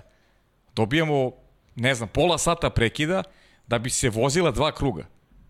Ne, to jednostavno nije, Apsurdno. nije u duhu Formule Nije, 1. definitivno nije. To je, I- ima- to je meni što najviše smeta. Imaš promene na bolidima, pa pr- Ne, menjaju e, se ti pneumatici. kažem, znači, meni je posebno potpuno problem to. drugačije, Ti si- sve je drugačije. Ti si vozio 48 krugova. Tvoj bolid je pretrpeo nešto. Šta god to bilo tokom Pa tog... tu, tog- tu, je- tu je Sebastian Vettel najviše oštećen, realno. Sebastian Vettel koji imao sedam, sedam krugova, sedam krugova mlađ, a, mlađe gume, po znacima navoda, od svih rivala. On je tu oštećen. Strategija, strategija Aston Martina je tu palo vodu potpuno. Ti si uništio, celu, celu trku si uništio time što si, što si, što si stavio crveni zastav istakao. I dao si priliku ljudima da svi promene pneumatike, da, da promene podešavanja, javimo sad kao ide- idemo u novu trku. Apsurd potpuni, znači nema, nema veze sa, sa logikom, nema veze uopšte. Cela priča je absurdna bila. Ali, Sebastian Vettel je dobio svoju nagradu. Do, dobio je nagradu, okej. To je moglo je- moglo da bude nagradu. drugačije. Moglo je da bude drugačije. Nagrada je mogla da bude mnogo veća. Da. Nagrada je mogla da bude mnogo veća. Misliš da je mogla da bude još Mogla veća? je da bude veća. Srđane, pa imaš... Da, šta znači pneumatici? Videli smo i sami šta znači pneumatici u finišu trke. Aha, ali ti ne govoriš toliko o crnoj zastavi koliko o tome da Vettel u tom momentu... Vettel u tom momentu može da dobije veću nagradu. E sad, opet dolazimo do, druge, do drugog momenta. Dolazimo do momenta Čekaj. šta bi značile e, samo, Čekaj. samo žute zastave. Možda bismo ušli kroz, prošli kroz cilj sa, Imam sa žutim zastavama. Završila bi se trka na taj način, verovatno. Mislim, Vanja, i toga. a, da uradimo jednu stvar. Ja ću sada da, da, da proslavim sam, nadam se sa svima vama. Zašto? A, otvorit ćemo nešto, mada Deki već otvorio tehnički kutak, pošto je tehnički kutak danas posvećen svemu što smo mi videli, ali imamo da ispoštujemo sponzora, da otvorimo tehnički kutak u kojem ću da proslavim što sam bio u pravu. Ovo je čisti ego moment. Molim te, Opa. Vanja, da, da, dajte nam kratku reklamicu našeg novog sponzora i tehnički kutak Powered by Varta, ali nastavit ćemo isto ovu priču pošto ima veze sa nekim stvarima.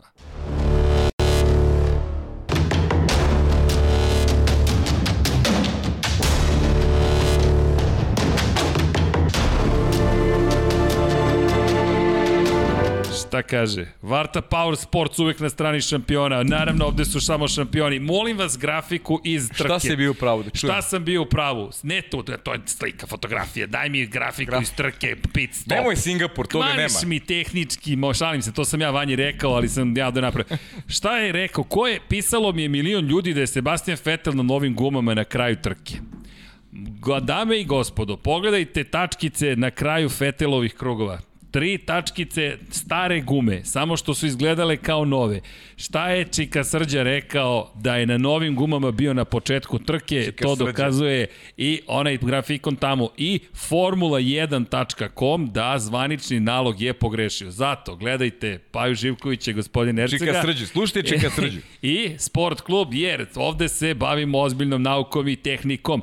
I rekli smo, nema šanse Sebastian Vettel da je započeo trku na starim gumama njegove, dakle, kada pogledate šta je imao na raspolaganju, imao je isključivo jedan set novih guma i na kraju, dakle, nisu to bili u potpunosti novi pneumatici, već manje korišćeni pneumatici. Osjećam izrazitu sreću zbog ovog momenta. Sad sam shvatio da nisam zapravo to ni proverio, jer ako kaže zvanični nalog Formula 1, onda to mora biti tako. Bravo, ček, sređu. Evo ruka. Opa, slomi smo sombrero. E, inače, hvala za sombrero Miletu kapitenu. Tako da, hvala za sombrero i za ovaj moment. No, da se vratimo na ovu priču, jer ovo dolazimo sada do ključnog momenta, a to jeste pravilnik. Dakle, ti imaš situaciju u kojoj dođe crvena zastava, 48 krugova si vozio, svašta ti se desilo s bolidom i nek, onda dođe ceo tvoj tim, zameni sve manje više kod tebe, zameni gume, zameni prednje krilo, može i cijelo zadnje krilo da zameni. Pa sve može Koliko zameni. imaš budžeta, po pola toliko... sata traja prekid. Bukvalno. I, I možda i jače čak. I menja i menja i menja i menja. I šta mi onda dobijemo? Kakva je to trka? Je to trka sada te iste Formule 1 ili je ovo trka 2.0? Ili 1.5? Ne, trka, Ma ja trka kažem ti, jednostavno meni je potpuno absurdno da pričam o tome, možda sam ja konzervativan, staromodan kako god, ali, ali u Formuli 1 da, da, da poništiš nešto što se dešavalo Slažem ovaj, toliko krugova pre da jednostavno apsolutno nema nikakve veze, to, to ne znam, stvarno nema nikakvog smisla, posebno što je 75% trke izvezano. Znači, jednostavno... A ti si trošio te iste gume. Da, znaš kako, veliki je problem da, da, je, da je bila crvena zastava bez nastavka, prethodni krug bi, krug bi se važio. Da, prethodni krug bi se mnogo, važio. Mnogo menja priča. A to je meni, Max po meni, Da, po meni jednostavno ovo je trebalo se završi pod žutom zastavom i, i to, to je, to. jednostavno Slažem, to. I to je to. to, je to. E sad, imaš drugi problem. Ako iz bezbednostnih razloga, zato što gume pucaju ovo sve izazvano, ti ne možeš da, nat, ne možeš da nateraš timove nužno da menjaju. Ti sad menjaš pravila uživo. Na njima je da povedu računa i da promene te pneumatike. Segment, da, Tako je. Da. Imaš mnogo kompleksnu situaciju, mnogo kompleksnu priču, pri čemu vozilo bez pri, ajde, uh, teorija, zašto je Red Bull ovo učinio? Da kaže, ej, mi ćemo da tražimo od Michaela Masija da zapravo zaustavi trku. Ako ti je oštećen bolid, imaš probleme s hidrolikom, imaš probleme s gumama, zar nije logičnije odšepati ta tri kruga i završiti posao? Jeste. Ja ne vidim logiku u toj njihovoj kocki gde, gde postoji teorija da su oni računali to da će Hamilton da pogreši. Kako računaš to da će pogreši čovjek koji ima 98 pobjeda? Sedam titula šampiona Ne možeš da računaš na to da će on da, da pogreši dugmiće ovaj, u prilikom reseta. I što me dovodi do tehničkog Dobri, to je malo kutka. onako... da, da, neki, gospodin da. Potkonjak. Ma, ja mislim da je jednostavno promašio pa, kočenje, naravno, apsolutno. Pa, pa ista priča, ista priča ko za Red Bull. Ili je, ili je promašio je tačku kočenja ili nije uzeo obzir, videli smo kako se puše kočnice na, na, na restartu, da li su bile pregrejane ili već šta god to sad. E, to stvarno, ali, ali zanimljivo. kao da, Hvala da, neko, Vanja, da, neko, da neko čačka dugmiće na 150 metara sprinta, mislim, to, ma, apsolutno. Ajmo da objasnimo, to je tome i služi tehnički kutak. Inače imate sjajan video koji ima preko milion pregleda, ironije da je postavljen pre tri nedelje, ja ću sada da ga ubacim ovde. Dakle, postavljanje, ali nemojte sad, neću sad da ga ubacim, bacit ću ga kasnije, sad ću da ga sklonim. Dakle, posle ćemo da okačimo taj video. Prošli put sam to izvao podoše ljudi sa podcasta. Ne, izvinjavam se, ali okačit ćemo na kraju. Šta je pojenta? Mercedes je na zvaničnom YouTube nalogu baš predstavio koliko posla vozači imaju tokom jednog kruga. Šta je magično dugme? Magično dugme se nalazi iza volana. I čemu služi? Ravnoteža bolida je raspoređena na prednje i zadnje točkove. Obično možete da vidite tokom trke kada se menjaju, kada uzmu pa podešavaju brake bias, dakle imate BB minus, BB plus na donjem delu Mercedesovog volana. Povećavaju u skladu sa tim koje krivine ili smanjuju odnos 58-56 u, u korist prednjeg kraja. Prednji kraj vrši mnogo, to, zaživljava mnogo veće opterećenje. Prosto po prirodi stvari inercija prenosi, to jest masa će, želi da nastavi jel te, svoje putovanje, opterećuje se prednji kraj, vi kočite naravno zadnji kraj. Još imate i generaciju elektrike, dakle vi imate regeneraciju zapravo kinetičke energije, pretvarate u električnu energiju i Zaustavljate bolid, usporavate kako god. Ponekad je 56, ponekad 58, 57 i tako dalje. Međutim, kada uključite magično dugme, navodno, navodno je 90% prebačeno na prednji kraj. Nisam siguran kako mogu da dodu tako daleko. Ajde kažemo da je 70%. Da ti tako prebaciš snagu. Pogotovo što je brake by wire sistem. U Formuli 1 više nema kočenja gde vi koristite sajlu.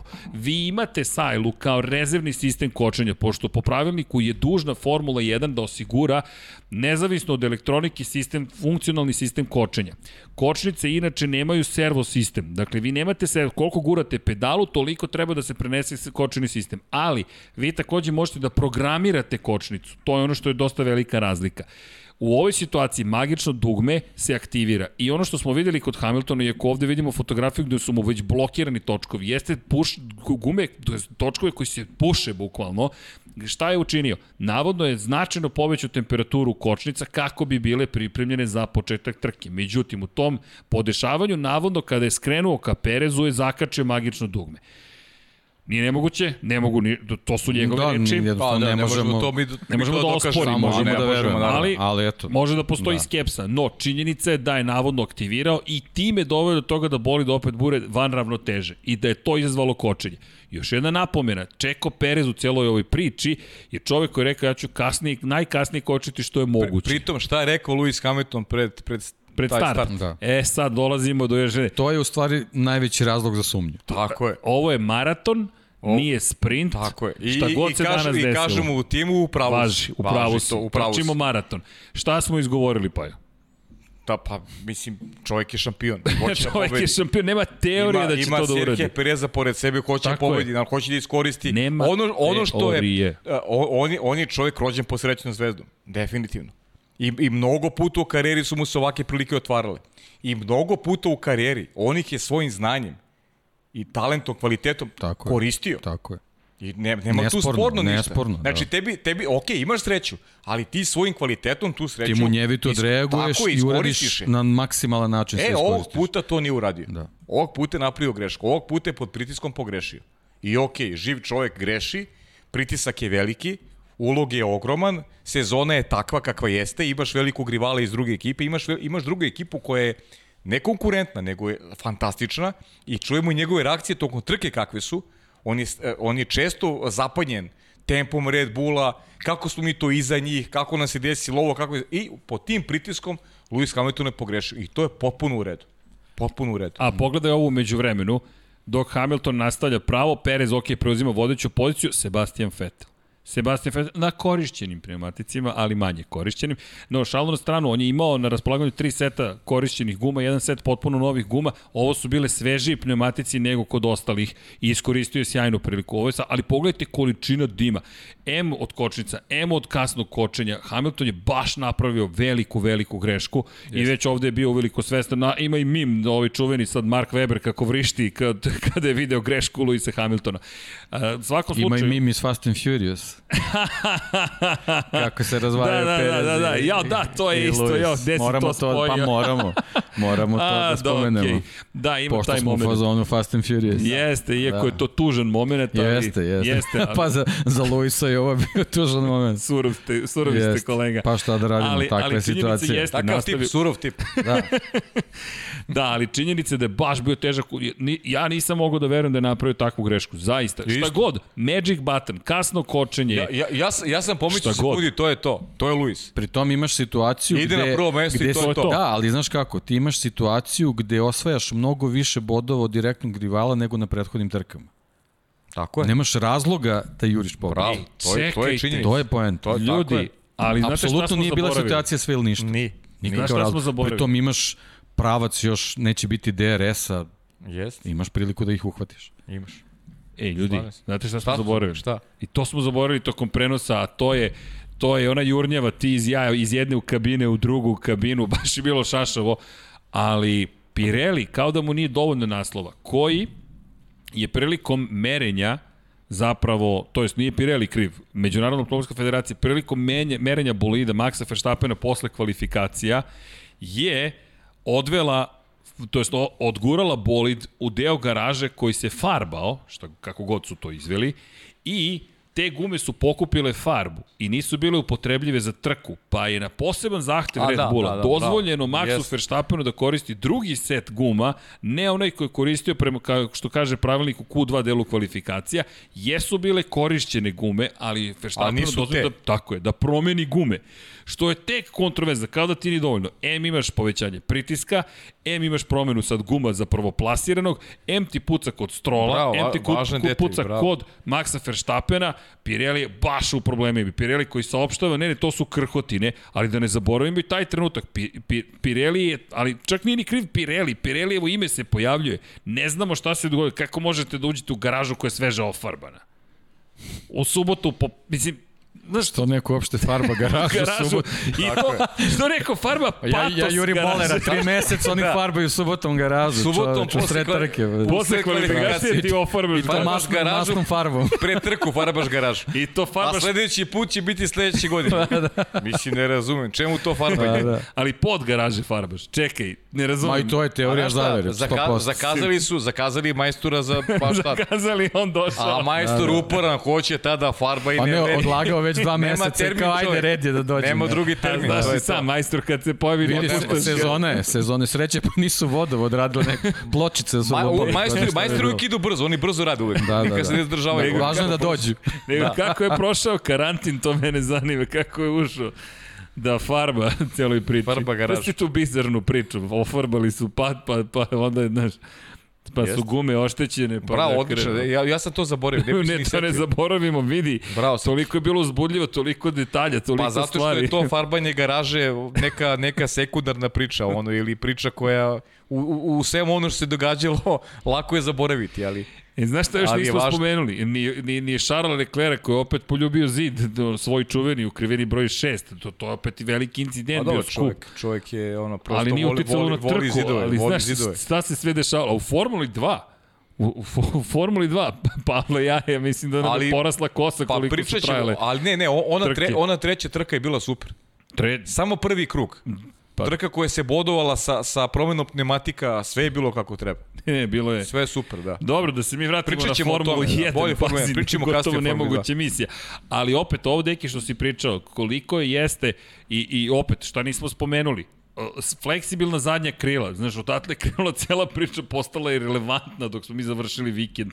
Došli smo do toga da u šampionatu vozača Lewis Hamilton ne osvoji poene, Max Verstappen ne osvoji poene, Valtteri Bottas ne osvoji poene, pri čemu Max nije stigao do cilja, Lewis jeste, Valtteri jeste prvi put da Mercedesi, ja ne pamtim da su Mercedesi završili trke, a da nisu osvojili poene.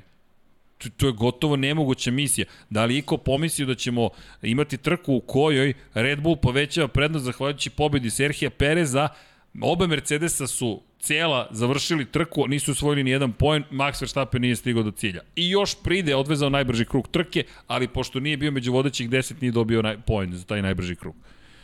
A nije bio problem taj, taj, taj najbrži krug, nego je problem bio taj, to što smo pričali, taj, Pa, taj sve je kontinuirani jasno. broj krugova koji on vozio, Pritisak 3, je 4, ogroman konstantno na sve je, strane. o, o, on je sebi nametnuo pritisak da treba da uzme i taj dodatni poen. Kakva se Ja Znam, sam ali, ali to, juriti, znaš. juriti na dodatni bod u situaciji gde beležiš dvostruku pobedu, znači direktno Luis oduzimaš bodove koji su povezani sa tim krugom, je meni malo... I, i meni, i meni deki ne isto. znam, kao, znaš, ta priča treba će ti bod na kraju. Na, na, na stazi, da, na i ovako stazi, si izgubio 25. Na stazi koja nije tvoja, na stazi Da, gde, da. gde ti zadaješ zaista ozbiljni udarac e, Mercedesu. To jest direktnom rivalu. Mislim da zaista nije A zar bilo vas to potrebno. ne podsjeća, zar vas to ne podsjeća? Ali opet s druge strane to je taj ta, to je Pa, taj ti Zar geni ne podsjeća na šampionski Hamiltona? geni. To, Hamilton to je su ti rizikovao. šampionski geni. Evo, da. Ham, ali Hamilton isto, ima 18 sigurnih. Jeste. Imaš A 18 ista priča. sigurnih, ti preuzimaš vođstvo u Da. šampionatu Bravo, sveta. Ista priča, identična. U, danas, čekaj, čekaj. Opa, Ista sam reakcija. rekao, pa da, Ista da. to je reakcija. ono što si ti rekao. Obojca, ti obojca traže i- maksimum. Obojca izvlače maksimum. Pa dob, ali To je to. vidi, pričali I smo to je o tome... lepota, lepota sezona. Ej, pričali smo o tome da je moguć incident između njih dvojice. Ne, sad smo dobili dva odvojena incidenta, ali i nijed- jedan je prouzrokovan, ok, problemima tehničke prirode, ali ti si doprineo svemu tome, a drugi je napravio grešku opet u toj drugi je, drugi je Luisova greška, klasično. I da se vratimo opet na... Na koga? na, na Sebastijana Fetela, koji je završio na poziciji i broj 2. dalje, i dalje Max, i dalje Red Bull, dve trke već za redom imaju prednost u I šampionatu. 3-3 u šampionatu Znaš, konstruktora, to je- 3 pobjede za Mercedes, sjajno. 3, 3 za Red Bull. E sad vidjet ćemo ta fleksibilna zadnja krila, kako Da. to sve da izgleda, to je sad priča koja će biti Vidi interesantna. kako god, ali jednostavno imaju kredit vezano za sve što je Mercedes radio prošle godine. Ja u ovoj situaciji nisam za to da se to menja u toku sezona. Pa naravno, slažem Eto, se. to, to je moj se stav, be, bez neke namere, ono sad kao da ispadne navijam za Red Bull ili nešto. Ma, jednostavno, posto, isto, ako se ma, nešto dobro. dešavalo prošle godine koje je donelo očiglednu prednost jednoj ekipi i on trp, svi su trpili do kraja sezone, jednostavno to sad treba da se desi i ove godine, posebno zato što imamo promene, sledeće godine kreću novi bolidi, nek se svi lepo fokusiraju na te automobile da vidimo tu da, da neko ne pronađe neke rupe u pravilima da bude nešto kako ne da. treba, nego jednostavno da, da svi pronađu neke, neke, neke rupe u propisima da dobijemo dobre, dobre automobile za sledeću godinu. Ovo je sad jednostavno tako je, setili su se, vi niste i to je to. Šta, mi, šta mislite ljudi, šta bi bilo da, da je Red Bull imao dvostruku pobjedu? Da li bi se Mercedes žalio na, na, na, na fleksibilno zadnje krilo Red Bulla, pošto se Mercedes na kraju nije ali, žalio? ali, ali, ali, ali. Da li bi se žalio? Ali pazi sad ovo. Red Bull nije koristio isto krilo koje je koristio u Španiji.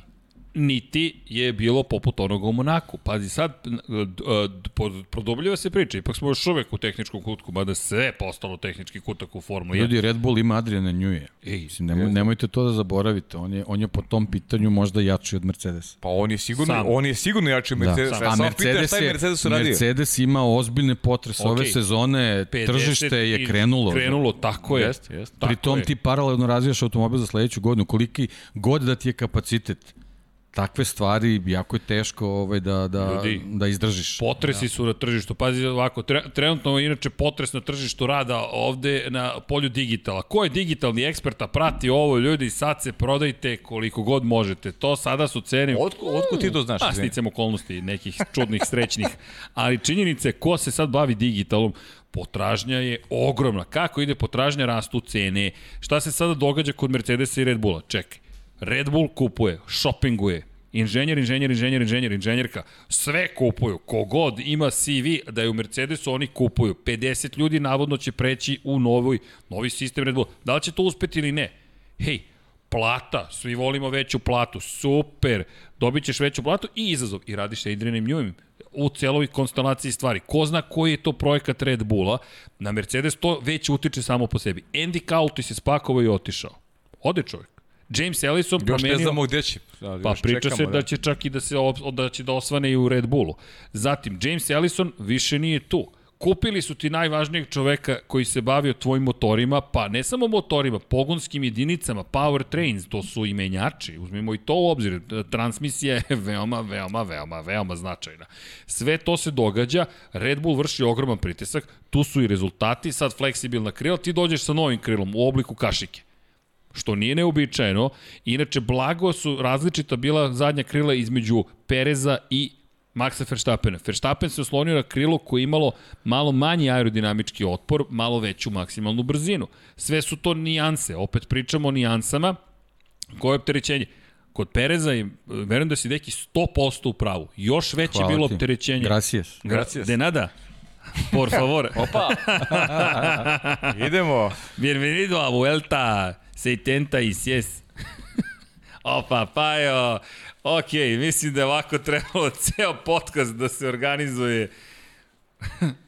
Hvala A ne Miletu može, znaš, ne, kapitenu. ne vidi mi se oči. Ej, vidi, ne, ne, to je pravljeno samo za... Brate, samo za tebe, samo, samo za tvoju glavu. Samo za da. moju kavesu. Samo za tvoju glavu. za da. moju kavesu, ali činjenica je, vidi, vidi kako se to nosi. Evo, Ne, ne, znam da ti to nosiš sa... sve je to do inženjerije. Da moraš da budeš mašinac, uspešni ili neuspešni. Vera. Ali činjenica je da ti sad imaš novo krilo kojim izbegavaš kontroverze, ti izbegavaš situaciju u kojoj će ti neko sutra čak i uložiti protest. Tako da je Red Bull sve učinio da pobedi Mercedes. I Ovo sada otvara mnoga vrata. Šta će biti u Francuskoj? Ljudi, tamo su pravci prilično dugački. To je opet staza koja pripada Mercedesu. Neću jest. sad da otvorim, imamo dve nedelje. Imamo još i Pjera Gasly, imamo mi još ovde junaka. Ali Nemamo pogledaj dve, imamo- koliko i- stvari. Imamo 10 dana. Sad. Dobro, 10 Koje dana. dve Okay. Daj mi da verujem nekako u mom univerzumu, to su, to su dve nedelje. Ali, Znaš kako, ali ta, ta Francuska, aj sad da ne pričamo o njoj, ali ako, ako Hamilton bude imao prednost, kako je recimo imao u Barceloni, i Max bude tu iza, jako je važna stvar Valtteri Bottas. Oni time moraju ozbiljno da se pobrinu. Znači njega moraju da podignu do sledeće trke. moraju ozbiljno da ga podignu na sledeće trke. Valtteri, Valtteri je- imao dva ogromna promašaja. Čekaj, ali da li je ovo... Azerbejdžan. E, okej, pre nego što odemo na Gaslija, da li menjaš Valterija Bottasa sad u sred sezona? Ne, ne, jo, ne, ne, ne, ne, a jo. to je isključeno. Mislim jo, da je ja isključeno. isto, ja mislim. Poslednja stvar koju smeš da uradiš je da ga Ne, kažem ti, promeniš. posebno u ovim svim turbulencijama i potrcima Ma da. koji 100% Slažem imaju vezano za kadrove, to je Ne nešto menjaš što, u sve sezone, to je loša poruka za Ne ovaj, iz Mercedesa, i oni Mm. to generalno mislim ne rade, nije to njihov običaj. A ne samo da. to, ti ne smeš da ga promeniš. Pritom ti, ti, koga nemaš, da ti nemaš uh, lika... Pa Ali šta ćeš s njim da Nemaš radiš? lika u vidu Helmuta Marka koji to radi u ime tima. Da. Ti si imao Nike Laudu koji je bio tu da gasi Bravo, požare. Deki, bravo, Deki, to je velika... Neki drugi način. To, to je ta sportska I ovi, priča koju I Mercedes ovi neki nema. uspesi zaista su stigli zbog te crvene zvezdice što im stoji na Bravo, automobilu. Ne, ne stoji ona bez To- razloga. to je ono- to sad nedostaju u ovom To je trenutku. ono što Toto Wolff nema. Da, nedostaje Njemu- taj- njemu taj nedostaje- mozak koji je znao Bravo, to da uradi. Tako je, nema, nema taj deo, taj sportski sektor koji bi neke u svim, stvari u uradio. svim ovim personalnim promenama ogromni gubitak je odlazak Niki Lauda. Jest, kako ne, Jeste. jest. I, a odatle možda ih ček kreće priča, ali dominacija je bila tolika da tek sada dolazi sve to se I to se sve se nekako kolo. pogodilo, u, Mo, u Monaku se beležila godišnjica smrti. Jeste. I ali se nije bukvalno, eto, posle- Nisi obeležili. Nisu obeležile, eto, posle godinu dana su stvari počele da se raspadaju. Mislim, možda je teška reč, ali za njih je... Za njih je ovo poput Teška reč. raspada Baku je-. Teška reč, ali, Baku je ali je raspad. drugačije. Da, Dobro, ali drugačije. ajmo Baku je ovako. raspad. Da li je i kod nas očekivao da se Mercedes zaista muči posle petka? Jesmo svi mislili da je to samo pitanje trenutka kada će se Niko, ponovo Zato što je tako izgledalo. da. Tako izgledalo u odnosu na, na, na, zadnjih prethodne- sedam godina. Sedam Jeste, godina, da, bukvalno. Ovo je potpuno nova situacija. Ovo nije jedan fijasko, Kao nije što ti u. Monaku isto izgledalo da nešto kao sad tu blefiraju. Pa ne, ne, ne, ne, nema ne, blefa, samo, ne samo nema se blefa. mučiš na stazi, nego, nego, nego toliko loše poruke koju ti šalju mehaničari, kompletna ekipa, ti praviš grešku kontinuitetu, ne samo na bolidu uh, Valterija Bottasa, nego i sa Lewisom Hamiltonom. Ali kažem ti, nema, nema sad ko da 4,3 sedne da ljudski to- razgovara s njima. Imaš Da, još to jednu je stvar. sportski to je sektor, mnogo važan sportski Evo ti sektor. najnovija vest koju, koju je izbacio Motorsport, gde on priča zapravo o tome da se Horner ne slaže. Pazi sad Horner kakav pritisak nastavlja da vrši. Horner kaže ne slaže se na način koji Wolf spaljuje svoju ekipu. Pazi, on sad čak i da nije istina. A dobro, to je direktni rat između Tako Wolfa je, i Hornera. Ali nije O samo, tome su ali, pričali ali Hamilton i Verstappen čak, Ali ljudi, je. nije samo, iz- pa da, i Max Verstappen se oglasio i rekao šta god rekao Hamilton u njegovom bolidu, ja sam dve desetinke brži od njega. To se od rat reči se A razvija. dobro, to je potpuno ali- normalno. To Ali je- ima nešto drugo što hoću da i kažem. To je hrana za medije. Ali Horner to ne šalje poruku Wolfu, to je moje ubeđenje. Moje ubeđenje je da on zapravo vrši pritisak na članove Mercedesa. Zašto? Jer ako ti otimaš, ako ti rušiš taj tim, ako si ti napao taj tim, tvoja poruka je kod nas ćete se bolje provesti. Kod nas je bolja korporativna kultura. Ne kažem da jeste, nego samo šta Horner mislim da radi. Ali okej, d- već smo otišli dalje. A znaš kako, pazi, da ti kažem, kad neko ima to, toliko godina dominaciju, stvari u sportu, u životu su, se menjaju. To je popuno logično. I, I popuno je logično da, da sada dolazi era neke druge ekipe, da li je to Red Bull, da li je Red Bull u konkretnom slučaju, i nekako je logično da ljudi traže novi izazov. Znaš ti, Mercedes toliko Jeste. dugo, toliko dugo Ne, dominira. to je potpuno okej, okay. Pritom, znaš, nije- Mercedes nije je normalno velika toliko- kompanija, pa toliko to traju. malo, malo sporije to osipanje Jeste. pada, ali recimo seti se McLarena i, i Williamsa koji su privatne ekipe, koji su bile, nosile su Formulu 1. Kad, kad je njihov Teško sunovrat krenuo, oni, oni su nestali, oni su zakopani bili. Ali ljudi, to je, to si lepo rekao, Znaš, ovo je velika korporacija. ovo je velika mega korporacija, to drugačije funkcioniše, Ali da. opet ovo su specijalizovani ljudi. Drugo, ima još jedna stvar koju stalno zaboravljamo, to su ljudi ograničenja budžeta.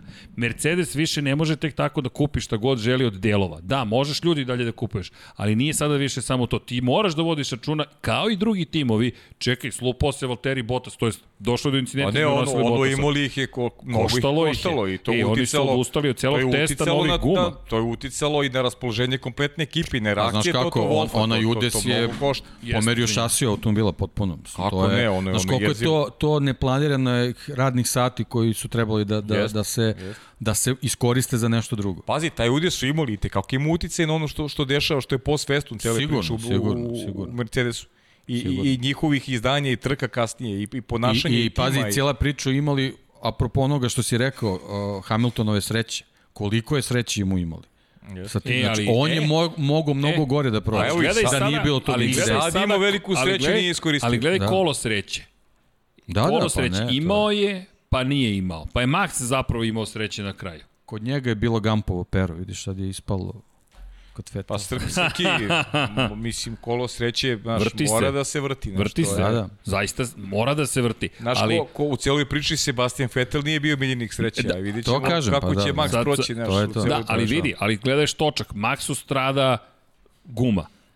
Luis je na drugoj poziciji. Luis fantastično startuje. I Kažem ti, ima priliku da osvoji Pritom više pametna bodova, reakcija, pa, pa, pametna reakcija. Više bodova u odnosu maraton. na rivali, ti to ne, ne, ne, ne, ne, ne razmišljaš o tome.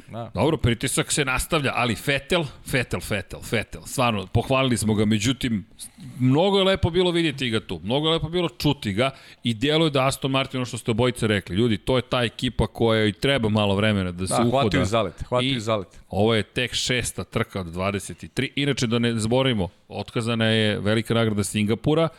Da li će nečim biti zamenjena? A bit će sigurno. Trebalo bi, priča se dosta o dve trke u Sjedinjenim američkim državama, na stazi Kota, čisto da to konstatujemo, ali da se vratimo na trku, ljudi, tek smo stigli do Pierre Gasly, Pierre Gasly, Alfa Tauri, ali to opet Honda, to Čekaj, opet rekao taj si koncept. Vettel, znači Vettel... Pa šta? Vettel, Za- već smo- Absolvirali smo, šta? Pa, zar nismo? Pa Ili jesmo? Manje Hoćemo više, još? Ja mislim da, da, Ne, da, ne da je možemo, ne možemo da, da, da trošimo vreme tipa hvaleći vožnju čoveka koji je četvorostruki svetski je, šampion. to- to, to je, slažem. pro- to je prosto Nema razloga je da to tako. Ali iskreno to je ti to. kažem, više- Ali divna je stvar, ovaj, eh, 41% glasova je dobio. Jeste, to je znači, bilo lepo vidjeti. I moje mišljenje, to bi ostalo i da je trka drugačiju završnicu Isto. imala. Pa, isto smo komentarisali to je to. pre nego što se desio Dve izbor. sjajne trke za redom, opet- sjajne obilaženja, to je to. Isto to ti je kažeš, deki, mislim da trošimo vreme da hvalimo trku Pjera Gaslija, mislim da je ista priča. Isto priča, on više nije wunderkind, to je Ništa, otišao to, je, to je, otišao na on je drugi nivo. dečko koji je, koji Da. je korak iznad i neko ko, ko je očigledno rođen za velika dela. Jel hvalimo još nekoga? Charles Leclerc četvrti, Pa njega smo hvali kad je, onda kad, je, kad se podigao u Toro Rosu još. Pierre Gasly. Tad je bilo, ovo je sad već ali ne, ne, nešto Lepa što je paralela. rutina. Da. Pogledaj ovo. E, prošle godine koje su bile dve mnogo najlepše možda priče. Pobeda Pjera Gaslija u Monci i pobeda Serhija Pereza u Bahreinu. Jeste. I sad su zajedno. To je, to je lep, to je lep trenutak. Ok, četvrti Charles Leclerc, čisto da Pa ali konstatujemo. Leclerc je iskoristio to što su dvojica vodećih šta? staze, borio se za treće mesto. E, Ferrari ovde nije mogao više. Pazi, a, Čini a da nije Matija. Binotto, šef ekipe, rekao da je očekivao više zapravo, posle Pa, kvalifikacije. bez osnova. Po meni, ja mislim bez isto. osnova bilo kakvih. Jedan krug u kvalifikacijama ne znači ništa, Ništa. pritom imao si sreću. Imao sreću za dobru strategiju. Hamiltona, Da. dobra strategija, jeste, sve okej. Ali vidi, ja mislim da za Ferrari nije čak ni loše, što je sada četvrta Ne, pozicija ne, nije posle svih loše, pa problema. treći su u šampionatu, sve Dobra okej. pozicija. Da. Sve I okej. pretekli su McLaren. Oni su trenutno dva poena ispred McLarena. Jeste. Ferrari, kako izgledao prošle godine, ovo je nastavak te Pa, dobro, ja se ne bih oduševljavao, ali Ne, napredak. ne, nije okej. za oduševljenje, ali napredak, okej, napredak, napredak je, da. napredak. Popuno si pravo, deki. Da. Ferrari ne sme se dovoljava tim nikako, stvarima, znaš, to je nikako, kao treći sam u šampionatu i wow sad, kao sve je super. Nije baš. Ali Sergio okej. Perez, samo da kažemo, treći je u šampionatu sveta, 69 poena, Lando Norris je četvrti, pretekao je Landa Norrisa tu, preskočio ga, Charles Leclerc je poziciji broj 5, Valtteri Bottas je tek šesti sa 47 poena. Zamenili su uloge Pereza i Bottasa, Jesu, to je, potpuno. i, i šampiona to pokazuje. To je to. Pa, I pa, Perez pravi- Perez pravi razliku u korist ta Red Bull. akvizicija koja, eto, Red Bull je lutao sve ove godine i jednostavno a, za te šampionske ambicije postalo je jasno, ne možeš da uzimaš Novajlije i da od njih očekuješ da, da u jako kratkom periodu prave neke velike stvari, ali to je ogroman pritisak na njih i sad ćemo recimo videti da ostanemo u, u, to, u, u tom nekom segmentu Red Bulla a, kako će Cunoda da se snađu Alfa Tauriju uz ove dobre rezultate Pjera Gaslija. Dobro, Cunoda je lepo odgovorio, sedmom pozicijom na Pa uličnoj stazi. sedmo u zahtevnoj. odnosu na podijum Dobro, Novajlija. Pa zato ti, ali ne, ne pričam ja o meni, ja pričam o Red Bullu. A dobro, to je jeste Znaš, teška, te, to je, te, te, to je mnogo, zadatak. oni, oni očekuju da njihovi vozači budu blizu. Oni su tim. Pričali Pazi, smo o Moto Grand Prix-u. Mi u imamo Italiju. u Moto Jeste. 2 kategoriji imamo vozače koji su Koji bore se za pobedu, drugoga. guraju jedan drugu. U, u, u, u Moto dvojkama, u Moto Grand Prix-u je problem, jedan odskače, drugi, Pa znam, drugi ga prate i I A- pitanje ali- koliko će moći tako da, da se Prvi vozi. put smo dobili trku koju je Sergio Perez pratio Maxa Verstappen. Pri tom... iz- to je, uh, to je ono, prvi put smo dobili sad trku. Jeste. Pa Pa dobro, ali uh, mi smo Pereza čekali četiri trke samo.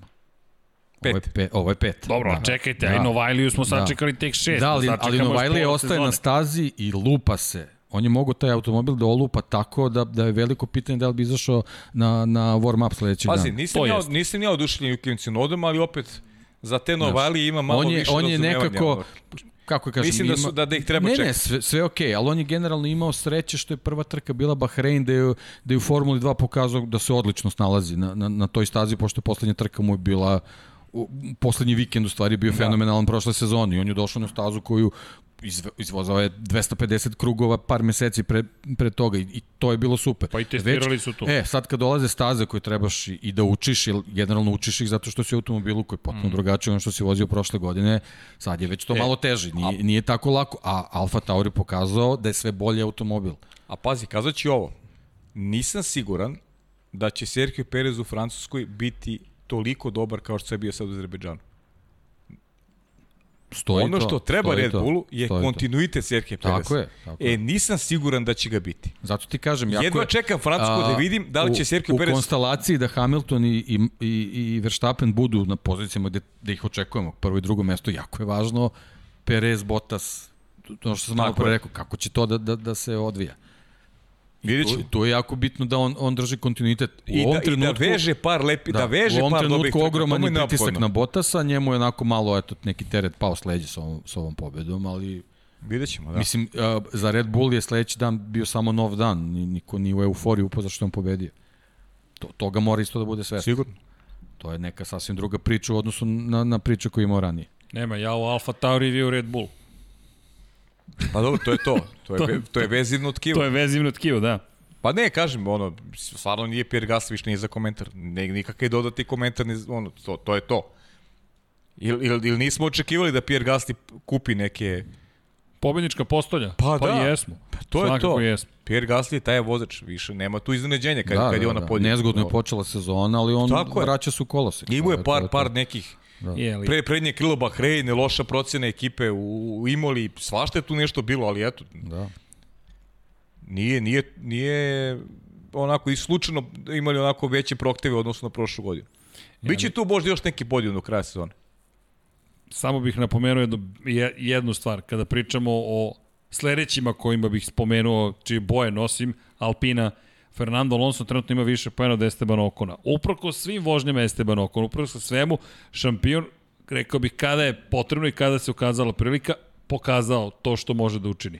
Znaš, kažem, opet dvostruki svetski šampion, da te citiram, ne bi trebalo da ga hvalimo zbog šeste pozicije, ali videti ga u tom bolidu koji se očigledno Ne, mora se uzme obzir njegove godine, ogromna mora. pauza, potpuno drugačija generacija automobila, nije, ajde nije potpuno, ali drugačija generacija automobila u odnosu na one koje je vozio, bez mogućnosti da, da, da se uči da ih testira, sve okej, sve okej. Naravno. Sećamo se kakav je težak Schumacherov povratak bio u Mercedes, Tako znači je. to nisu lake stvari, on je ovde, kao što si rekao, iskoristio situaciju, da se trka odvijela kako, kako je teklo, ne bi tu bilo nešto specijalno, ali drago mi je ovo da se desilo, što si ti na početku trke rekao da se od Alonso očekuje dobar mm -hmm. rezultat i ovo mi je drago što on je jednostavno iskoristio situaciju. To zašto je ta trka nastavljena, nije, to, to, Ma, to, to njega nije, apsolutno nije ne, njegova ne stvar, interesuje, on, je- on je naravno. pokazao On je u, u, u tri krivine pokazao zašto je, zašto je s pravom svetski šampion koji je zaslužio više od dve titule. Inače, Ross Brown... A, mada- u- upravo te godine i to osustvo daje na značaju sve to što je Apsolutno. Luis, što je Fernando Alonso napravio u utrci. Apsolutno. Jer ja ja prednost dajem upravo zbog toga Fe-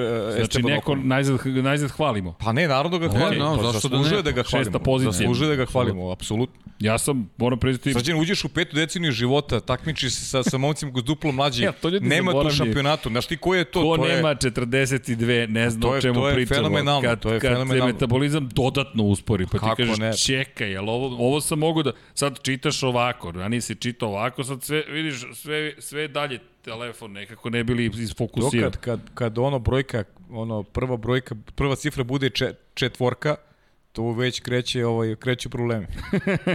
Dobro, polako, pa ti ćeš... Pa ja, do, Naučit ti si mi pričao, ja pri- zato pri- znam. da, da. Meni se Cajger okrenuo.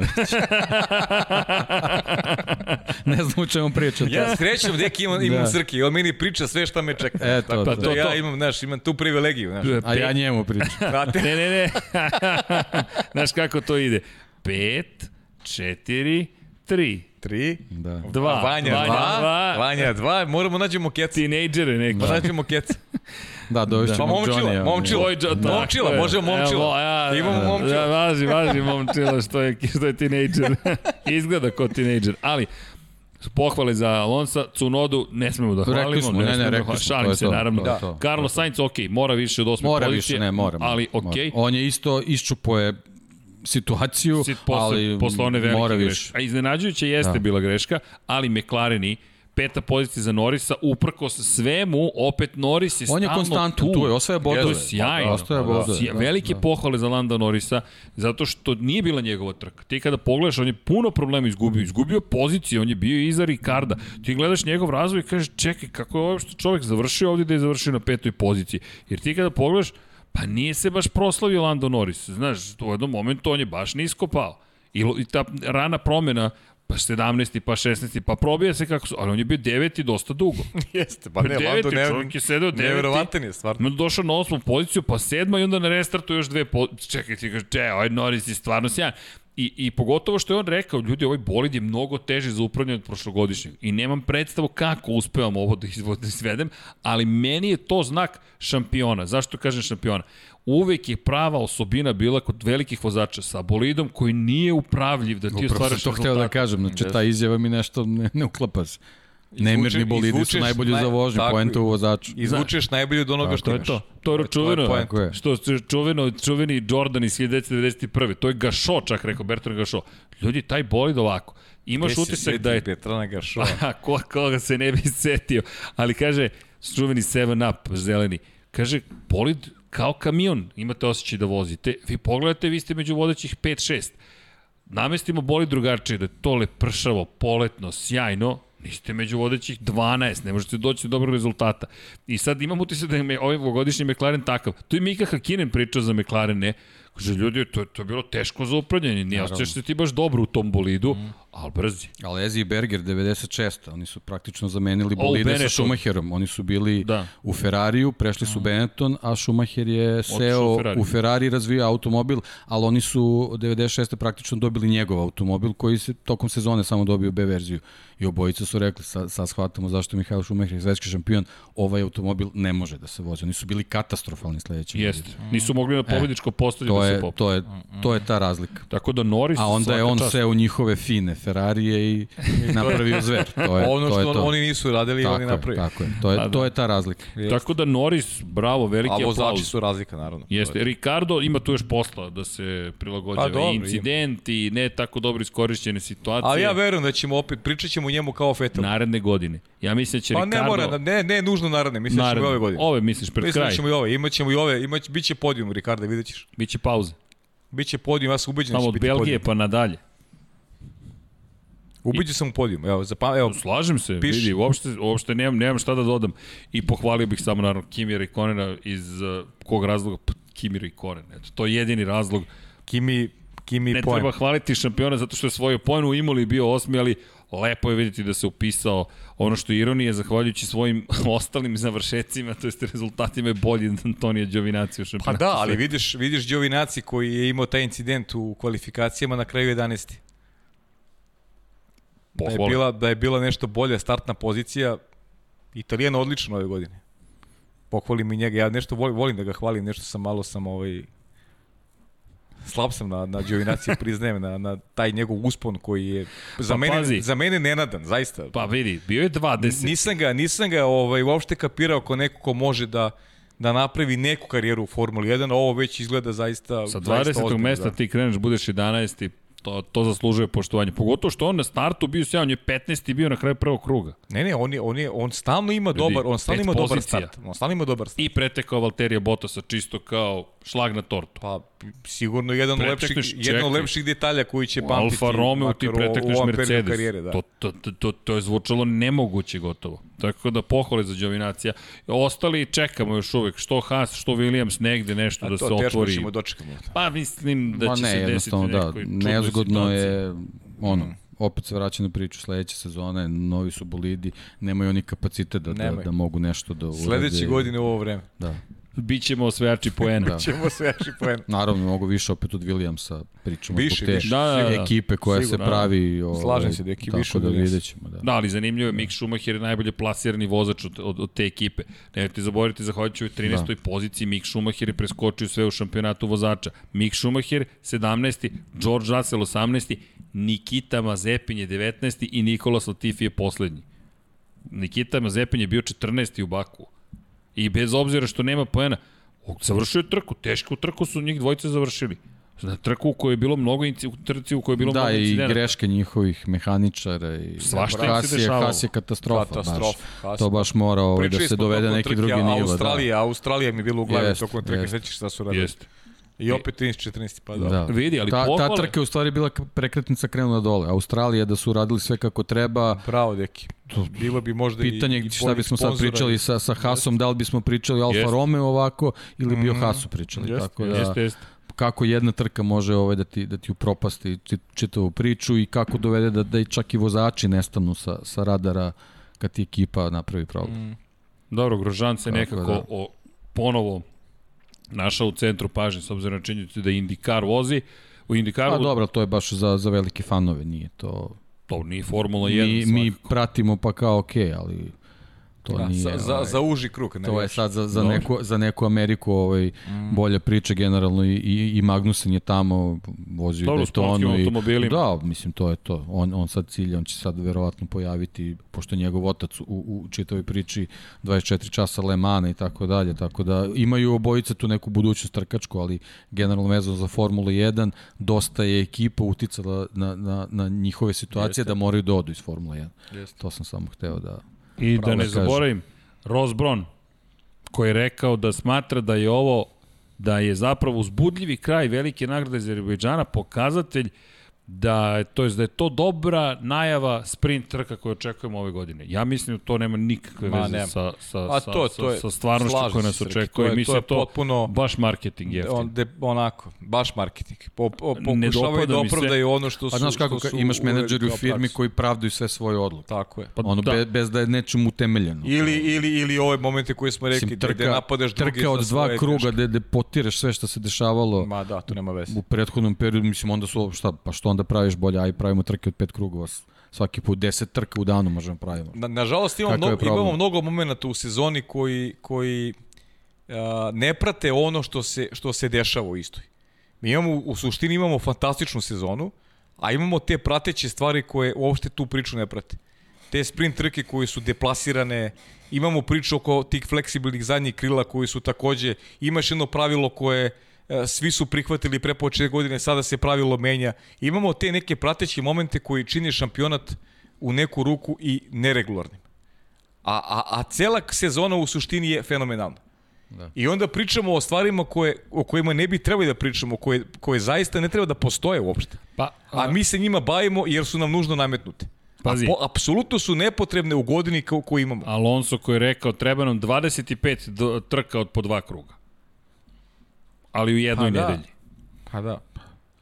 prosto to- to- jednostavno da, adrenalin je bio ogroman. Ono što je meni bilo fascinantno iz perspektive emocija, s jedne strane, znaš, gledamo nešto što što, što, što nije u duhu u potpunosti Formula 1, a onda doživiš da dva kruga čistog adrenalina, ali to je nekako veštački stvoreno, to je ono što smo pričali. Pa, A Srki, znaš To zašto je priča? da znaš zašto je priča to? Pa zato što je Luis napravio grešku. Zato je priča. Inače priče ne bi bilo uopšte. Da, da je poveo, to je Pa da, još ne- jedna pobjeda Pa da, ne bi očekivana. bilo priče uopšte. Priča je zbog toga što je čovjek napravio grešku. I, I sve se svodi na to. I sad kao dajemo, tome Da, dajemo, upravo naš, ima ljudi koji prosto ne vole čoveka, Koliko, razumeš? ne, koliko bi bio zanimljiv šampiona da je on osvojio 25 bodova. Tako je. To što, što Ross priča. Pa ne bi Pa bilo bi zanimljivo bio uopšte. Šta bi onda, to on, bi- on, to bi- oni samo mogu u organizaciji F1 da budu srećni što se ovako to desilo. Bukvalno. A to je spleto kolo, to je greška Tako je, njegova. Tako je. Pa da zaustaviti Hamiltona posle toga, mislim da je to gotovo Ma, ne, nemoguće. nemoguće misija. misija. Ti Bukvalno ima, on bi imao misija. 126 bodova, možda i najbrži krug trke, što znači 25 pojena prednosti, to je pobjeda prednosti u odnosu na Verstappena. Ideš u Francusku gde su velike šanse da ćeš zabeležiti pobjedu. Apsolutno. Potpuno druga priča. Pa Potpuno druga priča. čekaj, danas se pozdravljamo mnogo, Pa ali dobro. to je to. Pa to je to, zaista je to to. To je to. I, i onaj, onaj moment na početku, on kad prolazi, prolazi pored Perez, ja već vidim njega u prvoj krivini kako on pobeđuje. Ja sam tu i pomislio da će on pobediti tu. Isto, ja sam pomislio, ok, gotovo. Ne, ovo je kraj, ovo Hamiltonova pobeđuje. 99. u Francusku ide 100. Već Tako je. računam kad ide njegov jubilej. Veruj mi, isto sam pomislio, I- samo nisam to rekao naglas. Jer nekako, uh, k- već to dugo, ej, čekaj, 199. Ja, trka, ja, bravo, da, ajmo, hoćemo. Francuska, Opa! Francuska, idemo, torta. Pa čekaj, mi moramo da napravimo lap 76 200. Unapred mislim. U napred. Nisi još ni 76 napred. Nije ni stotka nije napravljena, Deki, nije ni 90 Deki, mora, mora budeš tu za posle Francuske. Kako? Pa kako? Obavezno. Pa kako? 200 ta trka, pazi, to je stvarno neverovatno. Da, nevjerovatno. Večeras smo prema- nema tekile, on je kriv, ali za, za, za Pa 200. dobro, O, ja. da. Tekila, ništa, Dobro, da, kajne. da li može balkanska alternativa? Kako se to zove, rakija misliš? Voda. Ne, vidjet ćemo šta nudiš, pa ćemo Da. onda da, da odlučimo. Da, Okej. da, da, da, da. Ok, vidim da je raspoloženje na nivou. Ja se radam da je i neko još uvek tu sa nama i ukoliko imate neka pitanja, mi ćemo rado odgovoriti. Mi smo nešto propustili, ljudi. Ja, ne, Pa ja... Formulu 2. ono. Formulu 2. E, bravo. Formula 2. Recimo. A, da, gospodin Potkonjak.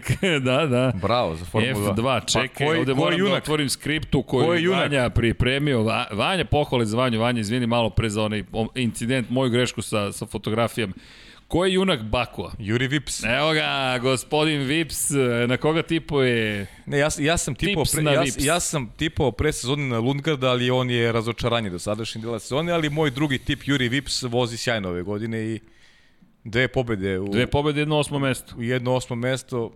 Pogotovo ta trka u nedelju bila zaista sjajna za Jurija Vipsa. Ali pohvale za Oskara Pjastrija. Ljudi, Novajlija je tu na 5 poena od vodećeg Guanju Žoa. Guanju Žo treći u prvoj trci, pa greška, pa 13 i 78 poena, 73 za Loše Oskara kvalifikacije Pjastrija. u dva vikenda za redom za, za Gvanžu Žoa. Da, da, i to košta.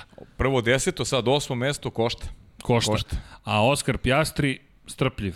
Strpljiv, drugo mesto, drugo mesto, drugo mesto, drugo Odličan mesto. australijanac, odličan. Odličan. Robert Schwarzman takođe pohvale. Dva pobednička E, Robert. Schwarzman, Robert Schwarzman se oporavio. Znamo njegovu životnu priču i, i oporavio svoj Da, vikend. prva je- trka je bila, da. Da, odlič, odlične trke, su obe su bile dobre trke pa i s njega. ta da treća Deki trka- ovu Pa i treća, da. da. Tre- Treća Treća, trka, super. treća Kako trka, ne, treće treća mesto trka, došao. Treće, odlično treće mesto, baš, baš sjajno. I Dan Ticktum pohvalio bi ga, kritikovali smo ga kada je E, bio Dan Titum je preagresivan. za mene najprijatnije iznenađenje.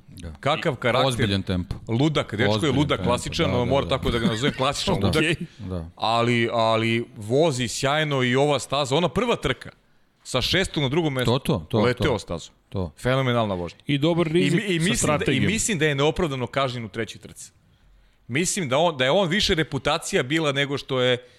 Ja na prvi, pr, prvo sam rekao da je to klasična njegova greška. Kad sam gledao snimak, bio sam nekako, gle, mislim da je držao trkačku liniju svoju, da nije on isključivi krivac, da je više Markus, da je više Armstrong e, Pa bio vidi, krivac za meni je to incident. trkački incident. I meni isto. Meni je to 10 trkanje. sekundi Znaš za kao ono. i generalno Drugovićeva kazna isto.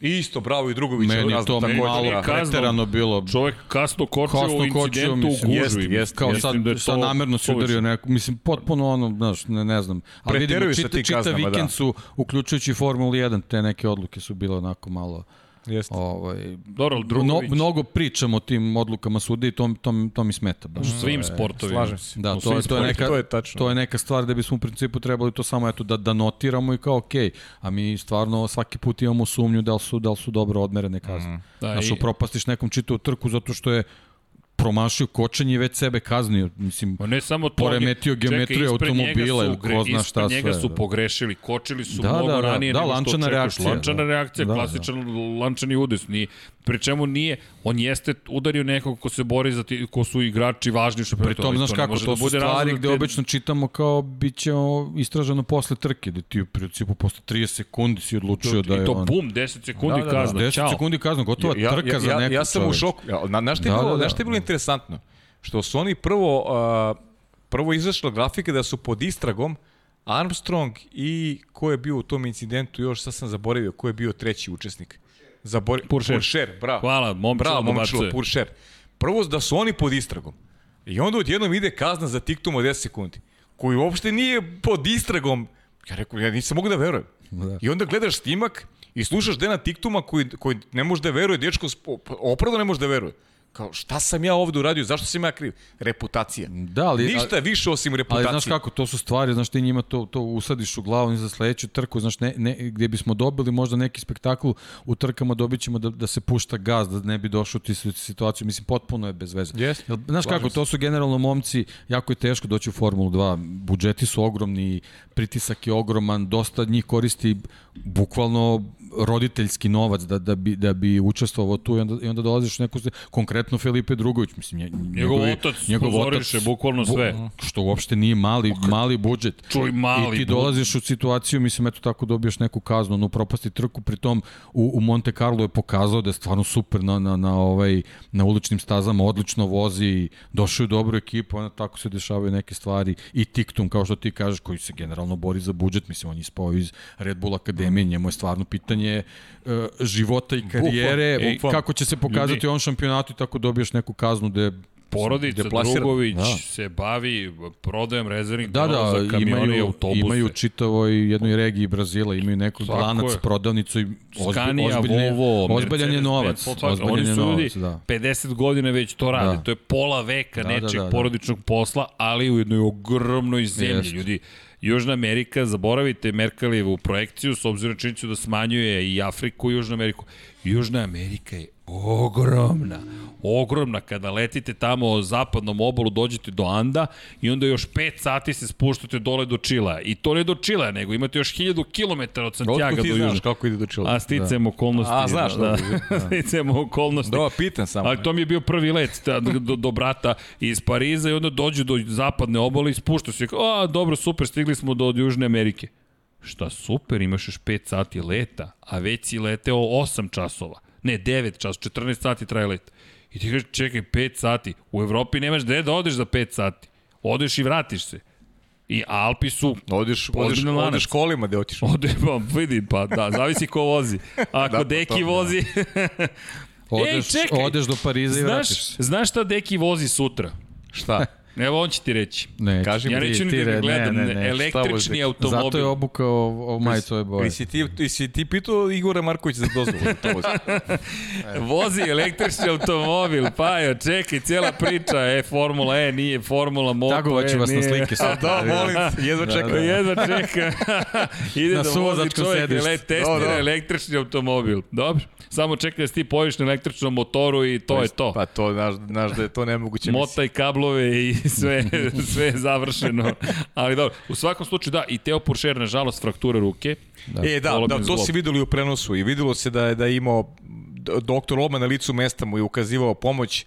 Nažalost, ali znaš šta je u dobru u celoj priči što se sledeća trka vozi za mesec dana, danas se da će se oporaviti. Pa, da, ima, imamo 30 pauzu. dana je faktura, to je. Da, imamo pauzu mesec dana i da. verujem da ćemo gledati u narednoj trci. Jer Za frakturu, momak- za frakturu dovoljna To to, pauza, tako da, je. sad samo Da. da, nije nešto drugo oštećeno, ali ne, ne verujem, da. 17. jula Da. počinje taj trkački vikend, tako da... Da, ima, imamo fore za, da se Ima ono pore. Ima i Da, više što mesec se tiče dana. Formule 2, uvek zanimljive trke u Silverstone. Jeste. Da, e, to jeste. Da. Tako je. Tamo, pravac kod hangara, Biće super, da, da, da, kad da. krene, pa stov, kad Nije ulaziš. samo pravac, brze krivine, ovaj, to vidim, oni se tu lepo snalaze, ovaj, bilo, Ali- uvek može da bude zanimljivo. Da, ali znači nego kvalifikacija ove godine je i veći nego što je bio ranije. Jeste. Kad imamo ove tri Petak, trke, popodne petak je mnogo važan. Kritičan. Biti među deset je ono pr- prioritet. Prioritet svih prioriteta, Prva biti stvar. među deset.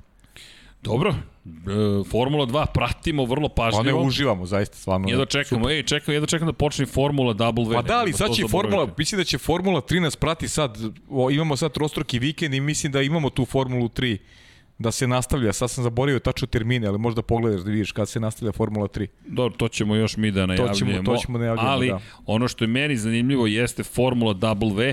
26. juna se spremamo za, za Formulu W. Tako da, eto, dame će biti na stazi zajedno sa Formulom 1, na Red Bull ringu. I 26. juna i 3. jula. To, Da. to je baš lepo vidjeti. Da, lepo to je nešto tu kao vrstu- Formula 3, da. Tako je, ali vidjeti tu podršku da. iz perspektive Formule 1 da je skočila i za Formule W. Inače, za dve nedelje, da, kao za 10 dana zapravo Formula 3. Le Castellet, Paul Ricard, 19. i 20. jun. I mislim da je vreme za pitanja i odgovore, da, za Slažem malo se. da krenem na, na drugu stranu, ali gospodin Potkonjak mi je vratio. Tako da, ukoliko imate pitanja, Ok, birajte Pajin Instagram, Dekijev Instagram, chat, pokušat ćemo da, da, da, da odgovorimo na Ima već nešto ljudi sve. pišu sad. Ajde vidimo šta se dešava. a? Uf, uf, uf, ba pišu baš. Da, mo, Forza Pišu Ferrari, Forza Ferrari, Forza. Čekaj, ljuti zmaj, inače ćemo morati da stavimo to u timeout. Polako, sve razumemo. Ford, mo, hoće li SK prenositi Formulu W? Dosta će zavisiti od... Uh, nisam siguran da li ugovorom, zato što je Formula W kasnije bila u celoj priči. Ja nisam siguran. Nisam ne, siguran da smo je dobili to. uz ugovor, ali proverit ćemo pa ćemo vam preneti ukoliko smo dobili mogućnost, sigurno. Sigurno. Inače, Vuk Božović koji podsjeća na Silverstone sprint trka, bit će i sprint trka u Formuli 1, ali to ćemo tek, tek, tek da, da, da nagradimo. E da, a, Na najavimo se. Madafas ka, koji podsjeća kaže ne, da za na Botasa i optužbu to Tota Wolfa da je pogrešio prilikom stajanja u Monaku, da se vratimo na Monako i do, taj dodatni pritisak koji je Wolf izvršio još više na, još dodatno na Botasa to je, to bez je, potrebe. to je potpuno de, on deplasirano, ne znam, to, to je, Apsolutno. to je, ne, ja ne, ja ne mogu to, e, to je ono što kaže Deki.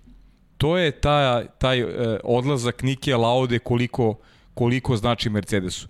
Mislim da takva izjava, da je takva izjava može da dođe samo od čoveka koji sa sportom nema veze, koji nema konekciju sa sportom, koji je menadžer. Ne možda, ne možda, takvu izjavu ne možeš da, da, da, da, da plasiraš u mediji. Da je Botas krivi jer je, jer je loše stao u, u mislim, užasna izjava. I stavlja pritisak e, dodatni nepotreban na leđe čoveka koji je tu trku vozio dobro, za razliku od prvog vozača. E, e to, to je sad ta, ta neka, taj ne- nedostatak Nije- dobre komunikacije To unutar to. Mercedes. Negde gde, gde je Niki Lauda bio odličan balans između menadžmenta i tog, nazovi, sportskog sektora. Da, ima tu e, ima još par stvari. Um, GP Balkanci, pozdrav. Honda donosi novi jači motor za veliku nagradu Francuske. Da li će ona dokladiti gubitak brzine zbog fleksibilnih krila? Ima tu par stvari, to smo zaboravili da napomenemo od, svih priča. Mercedes je svim svojim korisnicima, pa i fabričkom timu doneo nove, nove pogonske jedinice za Azerbejdžan. Ono što je Red Bull takođe od, uradio i odneo veliku pobedu, koristio je stare motore. Sećate se priče o pouzdanosti starih motora. Oni su izdržali. Oni su izdržali ovih šest trka, stiže novi Hondin motor, sad da li će biti jači ili pouzdaniji, ne znamo. Mercedes je radio na pouzdanosti motora u Azerbejdžanu, ove nove verzije su pouzdanije, ali samim tim impli- implikacija je da će biti i više snage, to je da ćete moći više da rizikujete. To isto važi za negde Red Bull. Što se tiče fleksibilnosti zadnjih krila, što reče Deki, Adrian Newey, ko zna šta je smislio ljudi, ko zna koji oblik krila će pripremiti za veliku nagradu francuske Red Bull. Koliko je Red Bull gubi sa promenom zadnjih krila? Pa ne, to je to. Ne znamo. To, to ne znamo, ali, ali, ali to je to. E, šta još imamo? Ne, nešto zanimljivo. Da, dobra oba. Ljudi, zašto niko ne priča? Lando već na skoru ima 8 kaznenih poena, a 12 suspenzija. Nije samo on pod, u problemima. I Lewis Hamilton je u problemima po pitanju kaznenih poena, ali nekako toliko smo se već odvikli da bilo ko bude suspendovan, da ih ponekad zanemarujemo, ništa drugo. Ali činjenica mora da vodi računa. Dajte informacije za premijeru filma u četvrtak detalji. Fitness and Food Network. Fitness and Food Network, IMAX, Cineplex, pred premijera 10. jun, 19h, ako se ne varam. I do, kada se završi ta prva projekcija, mi ćemo biti i pre, ali pogotovo posle napravit ćemo meetup, tako da će naš četvorica, to, lako ćete nas prepoznati u majicama. Morate Samo se dogovorimo oko, oko boja. boje, da, oko boje. Da ne dođemo u... Kako Pablo kaže, tako će on boje da. Dom Pablo kako kaže, tako će biti. Ti dođi u toj boji, to je to. Šta nema sad da radiš da se ne, ne skidam do četvrtka, to to. Da, u svakom slučaju, eto, tako da ćemo biti u IMAX-u, e, sine, da, jao, da li da, šta smo rekli, da pustimo reklamu predpremijerno? Vanja, ili imaš možda predpremijernu reklamu? A Vanja ima sve, nemoj da ga pitaš. Da, neću ni da pitam. Pitanje je samo da li hoće da nam pusti. Deki, Deki, jeste videli ovo? Ljudi, ja ne, ovo niste ni vas dvojica videli. Ja nisam. Ne, Deki video, ti nisi još video. Ja nisam Može, vidio. Vanja? Ćao svima!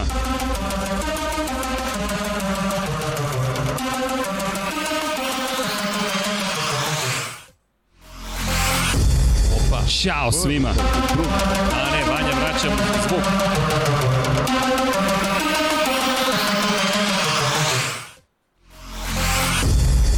Ćao svima.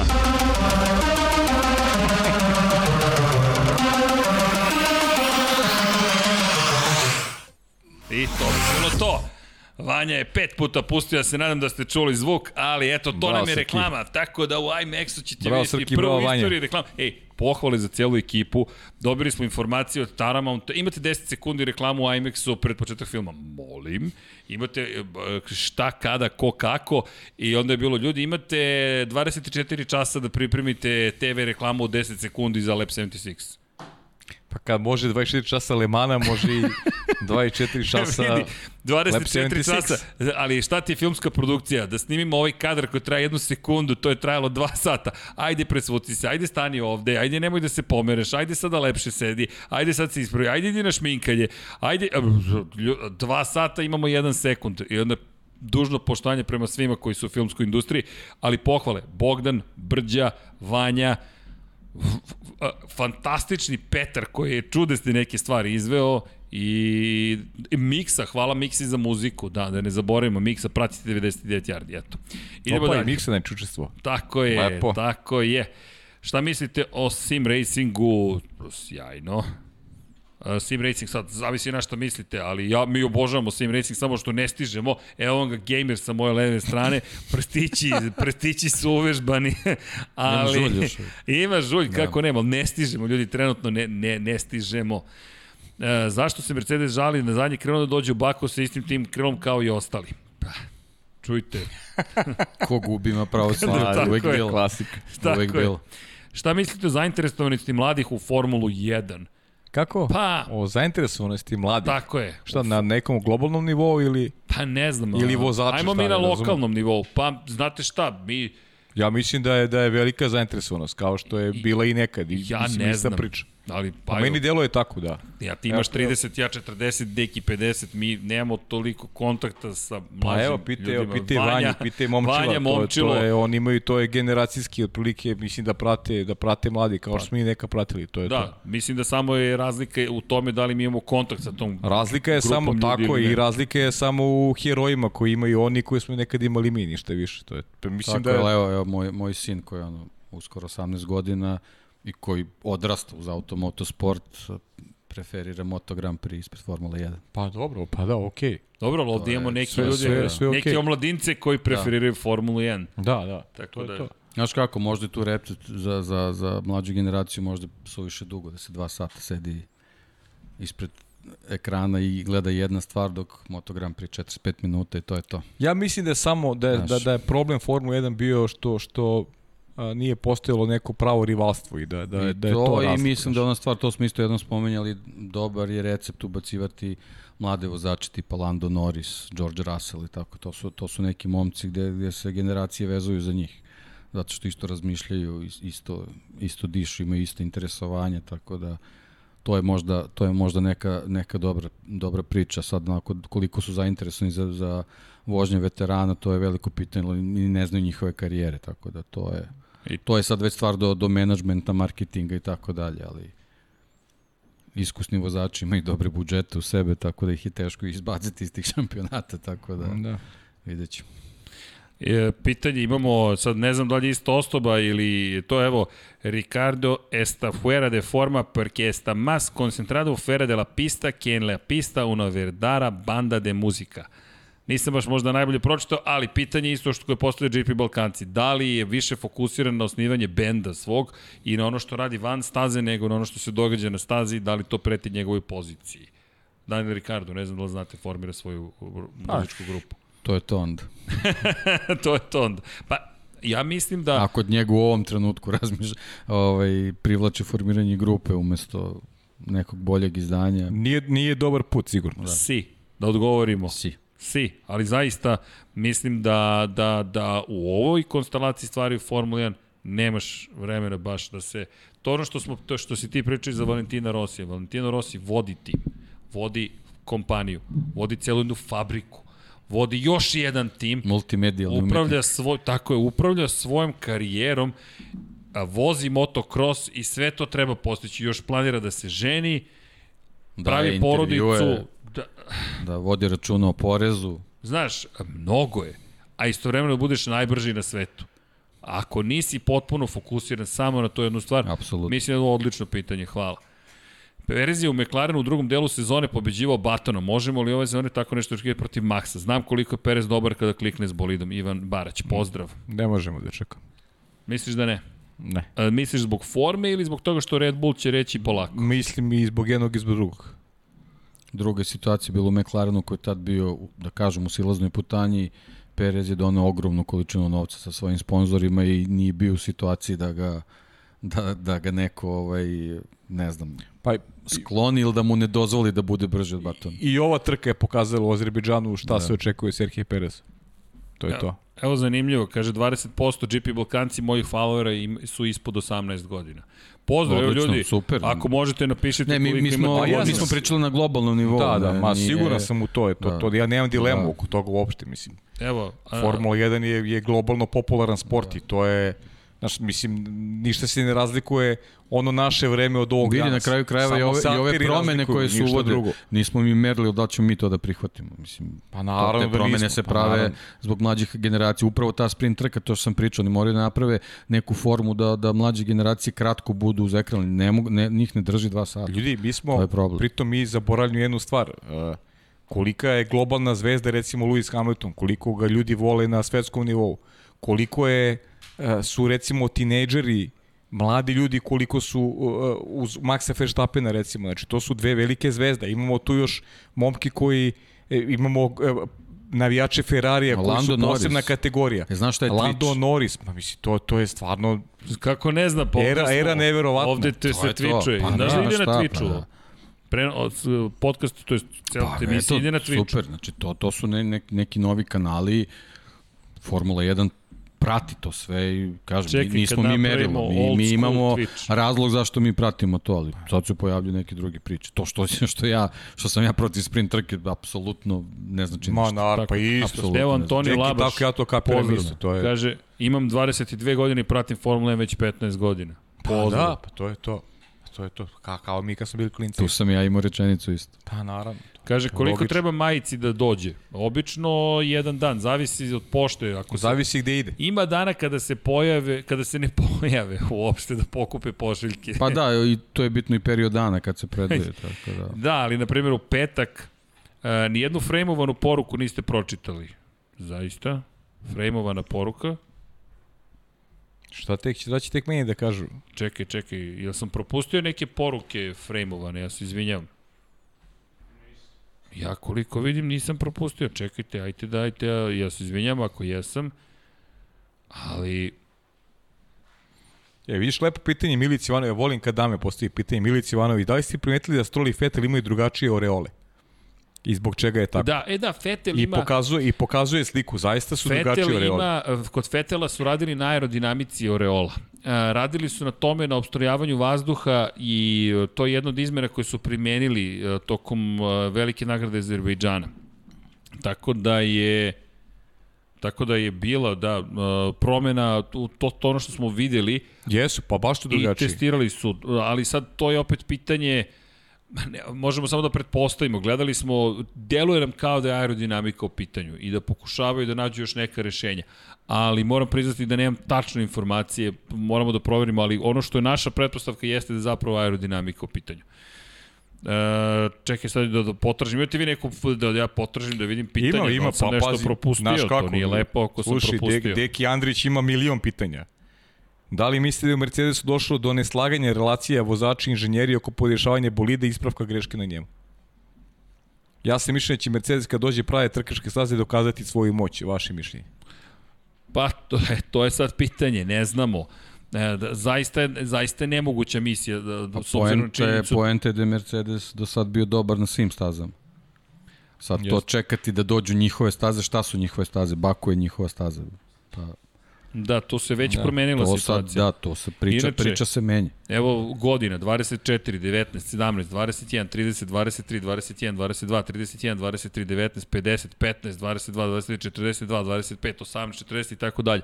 I ima mladih ljudi, makar ja mislim da su to mladi ljudi. Da. Dragan Radojko pita da li bi Red Bull ovaj, sa Fetelom bio bolji nego sa Serhijom ili potpuno suprotno, da li bi Aston Martin bio bolji sa, sa Serhijom? Nije loše pitanje takođe. Mislim, teško je sad. Teško je reći, ali ne verujem da bi, da bi, da bi Sebastian Vettel pristao da da se vrati u Red Bull da igra ovu ulogu koju sad ima Sergio Perez. Mislim da su, ne, mislim da su ipak Vettel za drugačije opcije da, bilo. Zatvoren, Da, da, da. da, zatvorene priče. A imao je Drugačije- drugačije opcije, da, drugačije drugačije, percepcije. da. Perez je bio materne pred, pred, pred izlaskom iz Formule 1. Da. Da, evo zanimljivo pitanje Jasmira Deliomerovića. Ako Infinity da se slučajno desi situacija iz Bakua, da Perez opet pobedi, uđe direktno u borbu da bude svetski prvak, šta mislite, da li će RP, eh, Red Bull opet gurati Maxa? Da bude svetski prvak, pa, Pa ne, ako se desi da Perez dođe u situaciju da po poenima ugrožava pa mislim, Verstappena. pa mislim da da neće gurati Maxa ukoliko, ukoliko Sergio Perez neki način stekne prednost pred finiš sezone. Mislim da bi onda pomogli Sergio da bude prvak. Da, velika je, ima tu još par stvari. Ogromno tržište Meksiko i ne samo to, zamislite koncept Formuli 1 da, da je Meksikanac osvojio titulu šampiona sveta. To je velika stvar, to je ogromna stvar. Mi govorimo o španskom govornom području, mi govorimo Ali mislim, mislim Srđan, da, Srki, da nije realno da uopšte pričamo na tu temu, Dobro, ali- jer, U jer, ovom trenutku... Nije, nije realno, jer, jer, jer Max je, pazi, sad pričamo na osnovu onoga, na osnovu ovog što se dogodilo Maxu. Max je opet imao jednu perfektnu trku. Perez treba pokaže prvo da je brzo kvalifikacijama, Tako da bi je, bilo šta mislim, pričali o I tome. po, na, na, na drugačijim konfiguracijama staza. Evo, Francuska je pravi test za njega da ima da li može da prati ono što radi u Azerbejdžanu. I slušaj ovo, moji klinci su sedam, imaju 7 godina i 3 godine i prate i F1 i MotoGP redovno. Sin komentariše dok vozimo bicikl, ponekad pomislim da je Srki iza mene. Da, da nije Duki to, ovaj, znaš, nije. E, ni, nije, ne znam, možda. Nije ne, Duki, možda ne i on. Znam. Znaš da je možda on to. Da, ej da, da, bitna informacija od Dom Pablo Pošize od mene, nismo spomenuli. Koga nismo spomenuli? Filipa Jenića. Filip Jenić bravo. imao je test, je li tako? Možemo da imamo fotografiju, pozdrav za Filipa, ajde pogodite s kim je Filip Jenić, momak koji vozi u španskoj Formuli 4. Gospodin Emerson Fittipaldi, dvostruki šampion sveta i prvi brazilac koji je osvojio titulu u istoriji Formule 1. Filip Jenić, ovaj iz desne, je momak koji vozi u šampionatu Španije i čovek je kod koga mi, mi za koga mi apsolutno navijamo i nadimo se, nadamo Vidi se da će biti prsten sa Indije. Da, da, da. da. pa vidi, zna se. To je ono pitanje, Monako ili 500 milijuna Napolisa. Zna, znaš što je Deki odgovorio? Monako. Šalim se, naravno, 500 milijuna Napolisa, nema diskusije. Svi smo odgovorili isto, znači, dobro. Znači, nemamo tu dilemu uopšte. Da, da, i evo. Vidi ko je ovo na osmoj poziciji, E Fittipaldi. Ko je taj? Porodica Fittipaldi. Eduardo Fittipaldi. Ali lepo je vidjeti Filipa Jenića u ovom društvu i eto, čekamo da, da se nastavi sezona. Sredinom jula je sledeća Da. trka, da. Da, tako da Filip Jenić inače ukoliko Portimao, ne, tako beše. zapratite ga, da, momak da. koji Da. može mnogo toga. Evo, bi, pita Boris kada je bioskop četvrtak od 19 časova, IMAX, Cineplex, pa druženje, pa ćemo... Kak, pa, pa, moram nešto uradim s tom odbikom. bo ja mislim da moraš. Čekaj, Pokušat ću, pokušat ću. pa, pa čekaj, četiri vozača, malo, Malo jača. jače. Malo jače. Ko je najjači od vaše tvorice? E, Da, idemo dalje sa pitanjem. Ja zaista ne znam ako sam pro, propustio Pa ja, ove, u, u, ja imam, ko, okvirena ja imam pitanja. ko, ko hoćeš Jel pitanja. neko od vas primetio, ljudi, Pa ja ono što sam u početku video ne donacije, bili su pozdravi. Nije, Da, nije bilo, izvinjavam Da, se, da, ajde da. ponovite bez donacije pitanje, ali možete i da ponovite donacije. Ej, udrite Ponovite like. donacije, ba, slobodno. Šta je problem? Nije problem. Da, da li je mislite da je Ferrari trebalo da bude 5-2 i 5-3? Ja mislim da su morali. A teško, Cori, Teško, teško, teško. teško. teško. E, Teško. Nemoguća misija je to bila. Možda je, sigurno je Sainz mogao mnogo bolje da nije napravio tu grešku. To, to je definitivno, ali Ali nije, ovo nije, ta realno, ovo staza. nije realno. Nije ovo ta staza. Prosto nisu još uvijek, nije snaga motora bila tako bila Nije. kritična Monaco. A ne, on, na onom dugom pravcu, Tako tu, je. tu, oni su tu bili inferiorni u odnosu i na Mercedes i na Red Bull i čak nije mogu da se borim sa Pierom Gaslyem Charles Leclerc. Evo pitanje Švona. Da li zaustavljanje Pereza na kraju pit lane sugeriše zamenu motora i kaznu u sledeću trku? Problem bio u hidrulici. Sad to dosta može da bude široko polje, ali Honda svejedno planira zamenu motora. Došao je već taj moment kada je završeno šest trka i oni taman mogu da promene. Pa to je ono što smo rekli da je Honda tu u problemu odnos na Mercedes. Imali su više više problema i promene baterije i svašta nešto se događalo, događalo i Alfa Taurinim vozačima i Sergio Perezu. Ali opet to ono pitanje, dobro pitanje, da li se sve radi da bi Max Verstappen imao uh, idealnu poziciju tokom cijele sezone kako bi mogao da, da napadne šampionsku titulu, tako da u prilog tome ona malo pređešna tvrdnja da da li će Red Bull uh, forsirati Perez, mislim da će Red Bull doći u tu poziciju uopšte, jer će, jer će Max biti jedini rival Luisa Hamiltona do kraja godine. Da, pitanje evo za Yuki Tsunodu i ponašanje prema inženjerima. A, Yuki... Pa mislim da je to opet deplasirano, prosto takav Ovo- karakter, to je to je To je klinac. to je, Ne, ali koje to je ponašanje, šta, trkanje, to je koje adrenalin, ponašanje, mislim, tako je, samo adrenalin. Da. Ponašanje je ono što se dešava Pri tom on, Čujte, on treninzi, što se mora- dešava posle na trke. umu ljudi moraju da imaju ne, ni u svom govornom na, na svom Ma, jeziku naravno. ne priča tako da. Ma deki, to je to je sport, to- to je Ajmo to je ovako, sve razumljivo, Ti to je imaš sport. 20 godina i ti si u Formuli 1. Koliki je pritisak na tebi? Pa to je oslobađanje pritiska. Kad odete na futbol, na primjer, mali, jednom u iz Šta godina, bi- E, ja sam imao pesničenje sad za, za, u nedelju na si fudbalu. imao? Utakmica pre nas. Potukoše se ljudi. Deki, Mislim, Najgori sam I na ništa sportu. posle toga. Najgori sam, hoću povedim uvek. Kad završim, to se ne kad završim lično. ruka ruci, to je Pa to, da, ali, doviđenja. mislim, Znaš, to je, to je sport, granice koje se prelaze, ali ovo nije, ovo je jednostavno, eto, Ma jok, pa ovo, A ne, ali on je sa- rekao, ovo je poslušajte komunikacija. podcast. Rekao je, kada stavim kacig, uđem u bolid, ja se potpuno promenim. Pogotovo što svi ga znaju kao vrlo pristojnog, umerenog čoveka u padoku i onda kad uđe i stavi se kaciga, klasičan samuraj. road rage. Samuraj. Ma- pa E, ali šta- zanimljivo, ma suditi- Tomi, suditi- Tomislav kaže, suditi u ljudima- nije samuraj. Suditi ljudima na osnovu onoga što izgovore za vreme eh, sportskog nadmetanja, mislim da je potpuno nepotrebno da. i znaš, to, to nije to nije to nije e, onako prilika da uošte o Ma nekome ne, tu je samo poenta da njihove relacije gara- da je njemu, da li je neko njemu u ekipi zamerio to, ali... Ne, Ma ne, mislim, pa da. dobro, mislim, moguće da tu ima raz, raznih ima, sueta, neko to ne kako, to je, prihvata to na je sad pravi opet, način. opet to je. možda neki spektakl Formula 1, to je njima ko zna šta se tu sve u tim radio porukama može čuti, nego oni jednostavno da, izaberu tako nekog I je izdvoje i onda kad vide da su dobre medijske reakcije, onda to forsiraju, tako da, kao, to je kao tačno. jedno vreme Kimi što je bio. Svi jedva čekamo kad vidimo piše radio Kimira i Konen, čekamo da vidimo šta ćemo Da, znamo da će biti nešto neobično. Pa da, tako da to je to, je to kad te uhvate na penal, to je... Evo, A- Amr Saračević pita na koji način FIA određuje da li će biti leteći start ili start iz mesta nakon crvenih zastava. Njihova bukvalno volja. To, to, je, to je njihova Ono što nismo znali uopšte. izbor. Da, mi isto čekamo kao i vi. Jedino što mi dobijemo e-mail od produkcije koji nam kaže šta će se desiti ili od FIE, ali sve ostalo ljudi manje više dobijate gotovo istom trenutku kada i mi, pogotovo što naše, naše kolege koji su na, na licu mesta koji su mega brze na Twitteru, topla preporuka pratite Twitter. Imate na, na, na mom privatnom nalogu imate liste čak a, gde možete da, da pogledate koje sve to mi pratimo. U suštini to je sve skupljeno na jedno mesto, ali otvorena vam je lista, pa zapratite. Tu imate veliki broj ljudi iz Formule 1 koji, koji evo, da poslaćemo vam F1 lista. Dakle, tu imate 477 ljudi koje prat, ko vjerojatno nekog ne pratimo, ali iskoristite priliku, pratite ih i sad, kako odlučuju? Odlučuju tako što zapravo izvećaju i onda nam saopšte šta će biti, da li leteći start ili, ili start iz mesta. To je na sudijama, to je na direkciji trke. Uh, Mesić Adam, Botasov opcija nije, bot pozicija nije realna, garantovano su mu opet iz boksa smanjili snagu motora. Ovog puta se ne slažem, Botas im je bio preko potreban. Da su mogli, pojačali bi mu snagu motora, ali opet to je lepota ovogodišnjeg šampionata sveta. I da su mu smanjili snagu motora, ne možeš da izgubiš od Alfa Romeo. Ne, ne, ali I vidi. da su mu smanjili snagu motora, ne možeš budeš Ali 12. Pajo, u trci u kojoj ne završi čekaj, čekaj. Lewis ali, Hamilton ali, i ali Max mislim da je Verstappen. toliko nerealno u ovoj situaciji Mercedes to odlučeni još sa novim Ma, motorima. deto, mislim da to- Čujte, ako je bilo trka gde se to dešavalo, pošto je to negde implicitno uh, govorio, implicirao je to Bottas, ali u ovoj situaciji mi da pričamo o tome, kada ti preko potreban, pa ne, ti bi mu dao svu snagu koju možeš. Možda, ako žele da čuvaju nešto za Francusku, ja ne vidim sad prostora da se čuva. I dobro pitanje, da li Red Bull ukoliko pobedi u Francuskoj je to šah protiv Mercedesa? Da je Verstappen pobedio ovde i da su zabeležili pobedu u Francuskoj, mislim da bismo o tome mogli da diskutujemo. Po, razlika bi bila najmanje 15 bodova po, po završetku ove trke. Dakle, za 7 poena bi povećao prednost prednost, ima već 4, to je 11. Da, dolazimo do toga da polako li sigurno bi mogao da se odi. Trenutno je 105-101.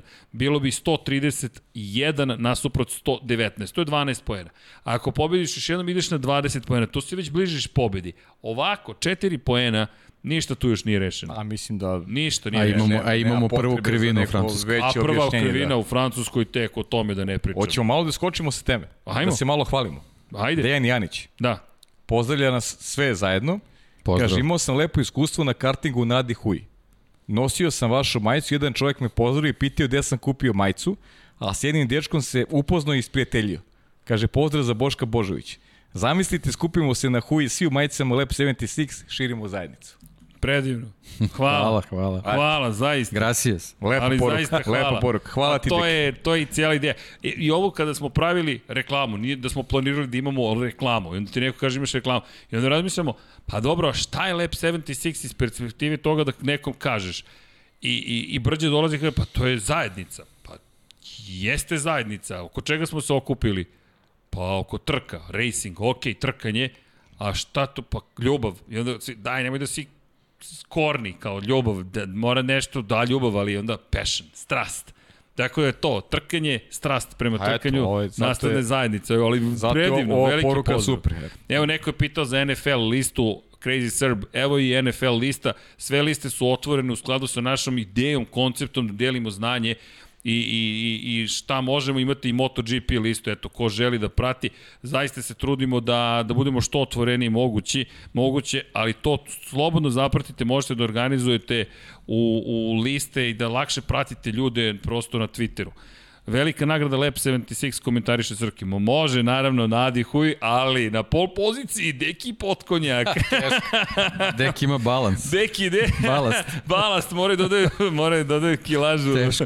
A šta, Paja ima Taj manji karting, balast. taj karting teško je može povući. Ja sam smršao u, trepavicama 100 grama. Možda da, da podelimo po kategoriji teška, velter, bantam, pero i tako Kaže, dalje. kaže Mario Vidović, pozdrav, mislili li da ako Red Bull pobedi u Francuskoj da je to onda šah protiv A to, to je smo sad to, to je odgovarali. to, To je da, to, da, to je da. to, to je to. Dobro. Dakle, dakle... De, Denis Hasanbegović, Ej, ako Kimi vidi. ne bude više u Formu 1, da li to znači da Schumacher dolazi Alfa Romeo? Moguće. Moguće. E, A slušaj ovo, izvini, Jasmin pita 500 puta već, pa da li mogu da dođem u studio pod kapicom, ali ne pita zbog tebe. Uf, morat ću da ga, morat ću da ga razočeram. Da, imamo neke teške informacije, Morat ću da ga teme. razočeram, da. O tom potom. Kaže, da. hvala zbog, Deki zbog Legend. osobe zbog koje je teo da dolazi, mislim da... da, da Otišla je drugim putem. Otišla je drugim putem, tako da... Ovaj, Tak, ne, na, kapica ne, je otplovila. Da, kapica je otplovila. Ne zato što smo tako hteli ona i ja, ali prosto tako se tako životne okolnosti su nametne. Jeste. Ali, kao Hamilton i Perez. Da, pa bukvalno. Fast, Negde, and, fast and Furious. negdje drugdje ćeš moći da Nemoj, gledaš nemoj, izgled. pa je od- nemoj, Furious. nemoj, A pa je Furious. Pa je na kartingu kada ga naprave da ide na struju. Tako je. Ne, idemo Da. u Luna Park, da idemo na, na, na, na one automobiliće na struju. I tako. E, Kristijan Kordi, šta kažete na to da je na zadnjoj levoj gumi Hamilton nađena porezotin od 6 do 7 cm? Moram pristati da nisam ispratio tu informaciju. Hvala. Da, Kristijane, da. morat ćemo to da proverimo, ali ostajemo dužni za sledeći put u svakom slučaju. Inače, Nikola Peci, koji kaže, zmenili su layout na Adihu i zanimljive sada, sada ako neko želi da vozi, bilo bi lepo da se okupimo. Ok, možemo to da, da počnemo da planiramo. Gledam Dom Pabla i komentar je oh my god, OMG i tako da. Kada će biti onaj maratonski live? Evo vidite da se trenira. prođe Kaži- COVID, kaži evo, reći evo. kada- Bić. Prva informacija kad prođe COVID. Znači, kad dobijemo tu neke Jednostavno, ove, samo kažeš biće. informacije. Da. Biće, b- biće. Biće, biće za, mla, za, za mladiće. Jao, znate šta nismo pokrili, ljudi? Pa Šta to. nisam pokrili? NASCAR. Fantazi. NASCAR. A NASCAR, jao da, nismo ni NASCAR spomenuli. NASCAR pobjeda u sonomiji Kala Larsona. Opet, Opet, opet Kyle Larson i opet e, Ricky Hendrick, tako da ovo za time kodove idealno. Q&A i NASCAR Q&A. neverovatna sezona za, za opet nije da nismo najavili sa našim dragim Božim, moramo da uključimo ponovo, Moramo da nam, Bože, da nam moramo prokomentariše Bože. to. E, ali, ali moramo da prokomentarišemo i šta moramo da prokomentarišemo? Ne, moramo da moramo da pogledamo Fantasy Liga, kako nam stoje stvari u Fantasy. Kako ti, kako stojite? Ili, Čekaj, sad ćemo da ti si, vidimo. koji si ti jedno 432. Šta si tu sam negde otprilike. Dobro, do, dobar napredak. Da, da, pa, ali čekaj, sad ću ti reći gde smo u ligama, Liga Lab 76, izvinite, samo da bacim pogled gde je trenutno joined, pa Lab 76 Official League, 720 sam, dobro, od, Dobro. od 869 ljudi, da, dobro. To je to. Ali pazi, pazi, u ovoga vikenda, ovoga vikenda, sam nisam bio tako loš, s obzirom na činjenicu da sam imao Leclera, Pereza, Sainca, Schumachera i Rasela. A Mercedes, uf, Mercedes me koštao, dobro. Zaboravi moj, te, moj malo pređašnji komentar. Scoring, um, da. Leteći Mango je trenutno vodeći, pozdrav za Đorđa Š. Zatim Mr. Larbo Lights Out, pa daj nam mečku da se igramo, by Stefan P. Mateja Team 1, Stefanov Leteći cirkus, pa Nedh, Nedim, uh, Nedhju, Jolo, Bruno P, Durok, Inala i Vodka Red Bull. ok. Kako ulazim u ligu? Kako? Čekaj, čekaj. Nisi još? U, a, odeš u Leagues pa join. A, Leaks ovde, da, Da, da odeš u gledam ovu pa ikonicu, pa ne znam šta je. I da, leteći mango impresivnih. Okej. Čekaj da vidim, 234 poena u ovoj prethodnoj. Verstappen, Norris, Perez, Gasly, Russell. Auf, i Red Bull. Zamisli da je čovjek odneo pobedu. Još mu turbo vozač Perez. Uf. Ali svaka čast za izbor. Svaka čast leteći mango za izbor. Mr. Lights Koji je, Out. koji je broj pozicije? Crveni je ovaj broj? Ne. Uh, piše ti rank.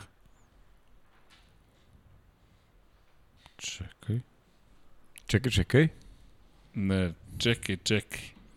Rank. Da. Je li moguće? Koji si? 77. O, Za malo pa 76. Deki. Opa, deki. Zamisli. Deki dominacija. Pa ti si- Dejan Team 1, Dejan P. Slušaj Pa ti je, slušaj čovječe? moj Je li ekipu. moguće, čoveč? Verstappen, Leclerc, Gasly, Norris, Russell i Red Bull kao ekipa. Pa da je ozbiljan tip. Pa, pa, ne, pa preozbiljan čovjek. Ja ne Pa, mogu ni da, da, scrollujem da, do da, mene da. dovoljno brzo.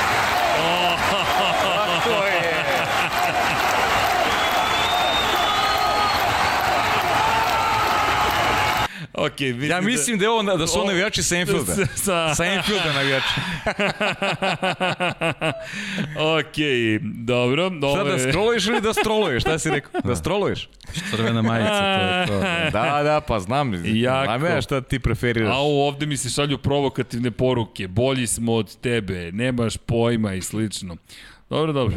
Polako. Polako, bit će, a, kad, kad se vratim u velikom stilu. Au, kako iznenađenje. A ovo, pa vidi, deki, sva, čestitke. Čestitke. Nego, a, jesmo prošli ponoć? Nismo, nismo još. Nismo, ali dosta je. Pa samo dva i po sata, pa šta vam je, pa to nije dovoljno. dovoljno. I tako. I tako. Pa a šta da radim s ovim pitanjima mojim? Šta da ih, da ih čuvam za sledeću emisiju? E, pa ne, ne, ne, pri, pričaj, pitaj, pitaj. Da, da pričam, a? Pitaj. I, o. Deki ima Botasov broj, 77. E, to, to. Deki Botas, tako ga i zovu. Čekaj, da. Zamisli da sam 76. Mario Vidović. Ej, čoveč. Ne, ne, Mario Vidović smo pročitali. Branislav Dević. U, slušaj Bilija Pitona, 1100 poena bez prve trke, ja sam zadovoljan. Opa, svaka čast Bili. S Ilovača, ni ja je ne volim, ali... Bravo. Kaže, da li si ispatili Mikov radio? Rekao je da će Mazepin da pobija sve. I pitanje je kako je sve prošao. Sjajno je vidjeti podraz za ekipu. Ej, nisam to ispratio, ali sam Da. ispratio Čuo sam Mikov ja to, da. radio po završetku trke. Prva stvar koju je pitao kada je prošao liniju cilja, pitao je koji je Sebastian. I rekli su mu pozicija 2, Čeko pobedio i rekao je lepo, pa dobar rezultat. Mick Schumacher osvaja. O, o, zaista je jedan divan momak. E, a pazi kako pita imam. Da. Da. Dobro veče, kaže Calić, Ćalić, Čalić. Dobro? Kako li već. Kad bude bio stoti podcast, da li ćete organizovati da dođe više ljudi i objaviti kada i gde, kada se popuste mere, mislim u smislu da, će, da se dođe kod vas i da se popriča malo s vama i ostalo veliki pozdrav. Ovde mašu ne, ne, ne, Ne. u mom svetu je to Da, da, da. A to je Da, ono, da, ono da. na grčkom, ono, ono na grčkom, ne, znaš, kad, da, ne, na grčki i grčkom, bugarski, da, da. Ne, Ne, e, Ne? Da, ne. To je ono, ne. Ohi. ohi, ohi, da, Ohi, ohi, ne. ohi. Tako da, nešto ćemo se dogovoriti, organizovat ćemo Da li možemo se. pošao majicu za Linz u Austriju? Pita Acu Novković. A da li Ima, možemo? ima kandidata, kaže. Možemo, ali može, samo morate voditi računa oko carine, ne znamo koliko će vam naplatiti. To je ovde muka tantalova, ali dobro, nekako ćemo, ja ne pitajte, to je kao da kao da izvozimo, ne znam, kao bukvalno kao da smo izvoznici, eto, pa jesmo, ali kao da izvozimo ne znam šta. Rešit ćemo, ali biće. Biće to. Evo, evo rešenja. FT1P. FT1P. Deki Horner. Opa, Deki, Neki Horner. Horner. Ja sam, šta sam ja onda, Steiner? to, to sam negde. Srki Steiner, dobro. Malo off topic Antonio Labaš, ali velika pohvala za komentarisanje, mo, komentariranje MotoGP, užitak je prati utrku uz vas. Pozdrav Antonio, hvala za lepe reči, pozdrav ime gospodina Đankića. Kako vam se svidela trke, trka Jukija i Đovinacija? Pa, dobre trke. Do, dobro. Dobre trke. Evo, Boško Božović šalje, prozvani pa šalje u majicu sa, sa kartiga na, na Adi Hui. Tako. To je, hvala. Lepo, da i veliki pozdrav za sve. Hvala, hvala Boško. E, da, pitanje Aleksandar Novaković. Šta mislite, kome se neće produžiti ugovor? Pitao je čovjek već par puta, ističu Hamiltonu, Bottasu, Perezu, Okonu, Russellu, Gasliju, Cunodi, Kimiju, Đovinaciju, Latifiju. Šta, šta, šta, čekaj, bre. Sad Kome ja, se, sad ja kome kad smo bi mi- rekao, šta, šta, šta, Šta, šta, rekao? šta, šta? Kome ne ističe? Ističe Hamiltonu, Bottasu, Perezu, Okonu, Russellu, Gasliju, Cunodi, Kimiju, Đovinaciju, Latifiju. Ako smem da primetim, samo jednoj osobi je ovde e, obraćanje u prvom licu, to jest imenom Kimi. Svi ostali su prezimenom. Da li vi to, Aleksandre, navijate za Kimija? Dakle, kome neće biti produžen ugovor? Ne mogu to da tvrdim. Mislim da će svima biti produžen ugovor. Ne, Latifi, ja ne Latifi. Ne znam šta će biti sa Možda Kimijem. Kimi ne znam, najviše. ne znam, i- pa ne, ali to zavisi, koga od- ti to zavisi koga? od Kimije. Deki, Bottas, šta? pa i grublji bi bio. Hamilton. O, čuli ste prvi put to, u Lab 76, eh, urednik Sjajno. Potkonjak, hvala deki. Dobro, idemo dalje. Idemo još neka pitanja, Ima pitanje koliko. može li da Bottas do pobjede u Francuskoj? Čujte, mi smo tipovali U Azerbejdžanu smo Tako tipovali je. sa Ja. da, A bi imaće bote za obe trke ove godine, nije sporno. Srki Matešić. He, he, he, he, he. Polako, dajte mi malo vremena. Onda ćemo da napravimo ekipu. Znam kome, kome ću da, da dam ekipu na vođenje. Da li verujemo da će McLaren doći do pobede na nekoj trci? Ali ne da bude neki karambol pa da samo njih dvoje završe trku. Sad sam to hteo da kažem, u drugoj situaciji ne. Da. Znači, trka s nekim nepredviđenim okolnostima može da se desi naravno, ali čisto na, na performansu teško. Slažem se. kaže, kaže Kovačević, kaže, lakše poslati raketu u svemir nego majicu. Verujte da, da, da, da tu smo negde, prećemo stvarno da lansiramo raketu nego što ćemo da pošaljemo, ali da radite? Srki navija za Chelsea, ljudi ja sa futbolom malo veze imam. West Ham United podržavam iz prostog razloga što Steve Harris, basista Iron Maiden, navija za West Ham United i to je sve što ja mogu da kažem. Tu temu poslednji put kada sam imao neke ozbiljnije veze s futbolom bilo je dok sam igrao menadžer. Izgleda samo deki ja navijamo. Da. I to ozbiljno. Na- I na- to na- ozbiljno. Nismo ni s stranama. Ja Juventini, on Liverpool. Kaže Milan Mati, želim samo da se zahvalim što ste me prošle sezone vašim podcastom vratili ponovo na Formulu 1 posle 10 godina. A, drago nam je super. Pozdrav celu ekipu Hvala. i studiju na kraju univerzuma i sjajni ste. Idemo, Max Hvala. kaže. Hvala. Mnogo znači ovo, Milane, hvala ti puno. Pa, lepim baš nam znači. Zaista, Pa jeste, to je najlepši po kompliment koji možemo da dobijemo. Bukvalno je tako. Evo ga Pehar. Evo ga Pehar. Pozdrav za ekipu iz Kikinde. Hvala najlepše.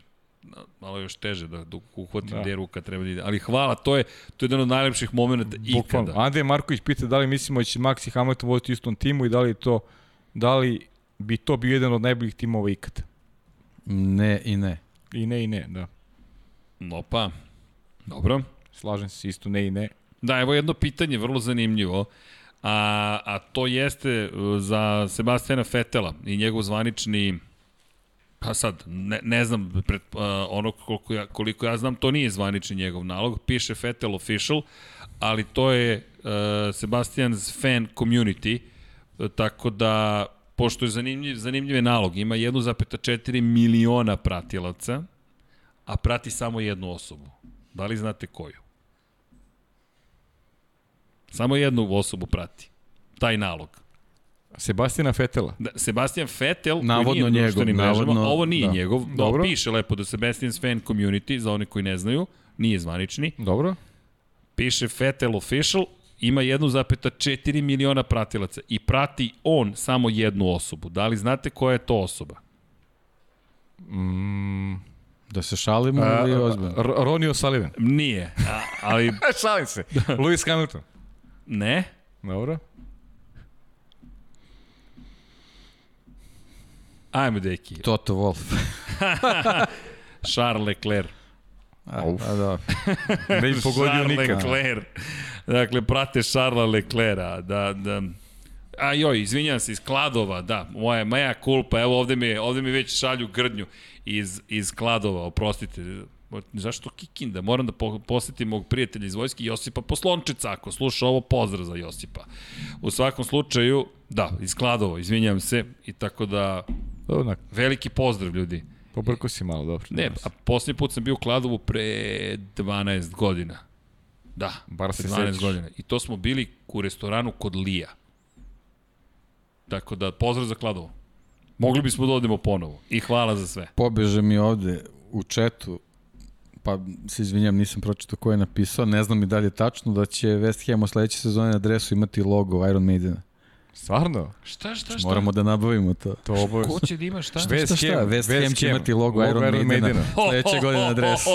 pa to moramo. Pa e, taj dres Menjamo hoću scenografiju u da studiju. imam. taj dres hoću da imam. e. Nabavit Čekaj, ćemo. to Pa je, ja da ćemo to nabavit da ćemo. rešimo, idemo ćemo ti lično. ja. Znaš da ja sve što imam od Liverpoola je sa Anfield.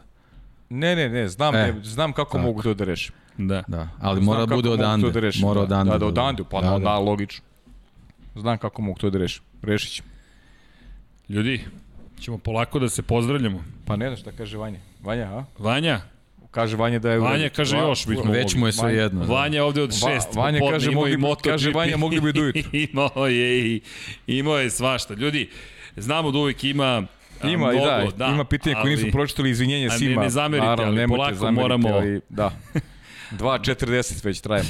Da, da, evo sad, od sad premier ligu komentarišem, sve West Ham utakmice. Ali to bi bilo zanimljivo, baš me zanima šta, kada bih se snašao.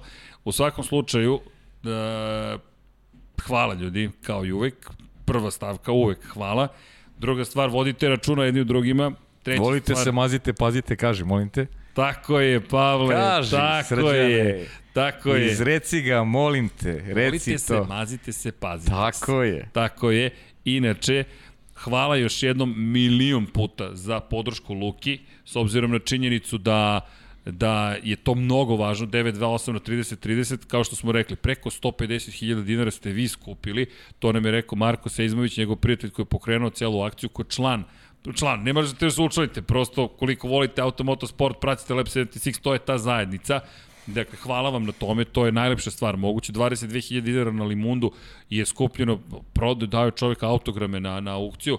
Možemo u Srbiji to da učinimo ukoliko imate neku informaciju u nekim drugim državama, gde god da ste, želite da mi prenesemo kako da se pomogne, tu smo, samo recite da pokušamo svi zajedno nešto da učinimo, to su lepe stvari, uvek postoji neko kome može da se pomogne, pruži podrška. Hvala našim sponzorima za podršku, znamo čiji akumulatori. Znaš da, kad, kad, se, kad su nam rekli Varta, meni je asocijacija odmah na bateriji, to sam rekao i Deki. Znaš ono kad gureš, Pa jest. kad si bio klinac i kao šta si, pa kao Varta je prva stvar koju smo imali, a inače ovo su posebni akumulatori, reklamirat ćemo ih s obzirom na činjenicu da, nadam se, eto, da ćemo još sarađivati, ali cijelog meseca ćemo imati ovu podršku i, no, to je narednih osam, to je sada već šest, to je mesec dana, da sad ne odem predaleko, ali podršku Varte, podrška Taramounta takođe, tu smo partneri u, u promociji Paklenih ulica 9, Paklena četvorka, inače projekcija u 19.45, eto dobio sam informaciju, tada je projekcija 10. juna u četvrtak, IMAX dvorana u Cineplexu galerija.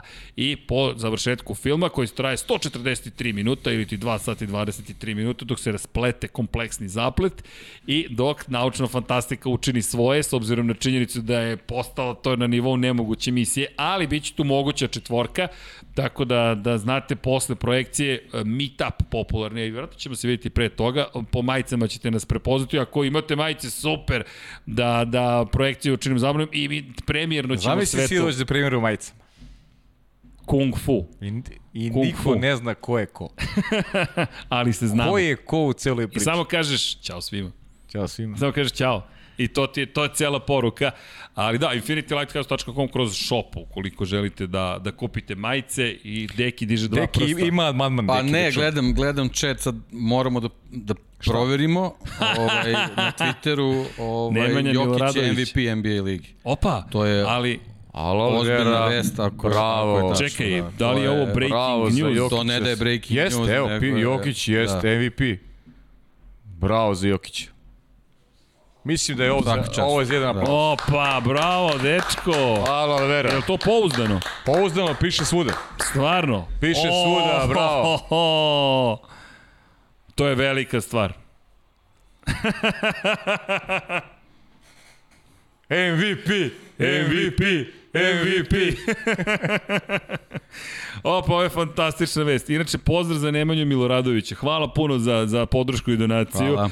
I da, krenuli smo da se odjavljujemo, sad ćemo da otvorimo NBA. A, u to ime onda Vanja mora da se Mora na ne stranu, moramo polako da se Evo da se sigurno mešamo u odjavljujemo. vanjim sektor, nema potrebe. Ej, čekaj, kada smo već otvorili, hvala, čekaj da pročitam, Miletu kapitenu, moram da pročitam, dali su mi ovde puškice. Ja sam kao, kako se zove, Courtney Cox su prijatelji, imam puškice u Courtney oči. Cox. Jesi gledao Friends Reunion, ali nema veze. Ljudi, raspoložene na nivou i kako ne bismo bili raspoloženi, Čeko je ponovo navrnuo Šešir Stopiću se ispod ovog sombrera, ali nema veze. Uh, Na kriviću kapu rodila mi njiva. rodio mi bik. Viš kako umetničko raspoloženje. Da. Zamisli tek za stoti i za 200 podcast. E da, a tu Francusku moramo posebno da dajemo 200 trka i ta... Neki sam zasmeo. Do... Molim vas, Do kada... suza, do suza. A nije ovo očekivao. u crvenim je bojama.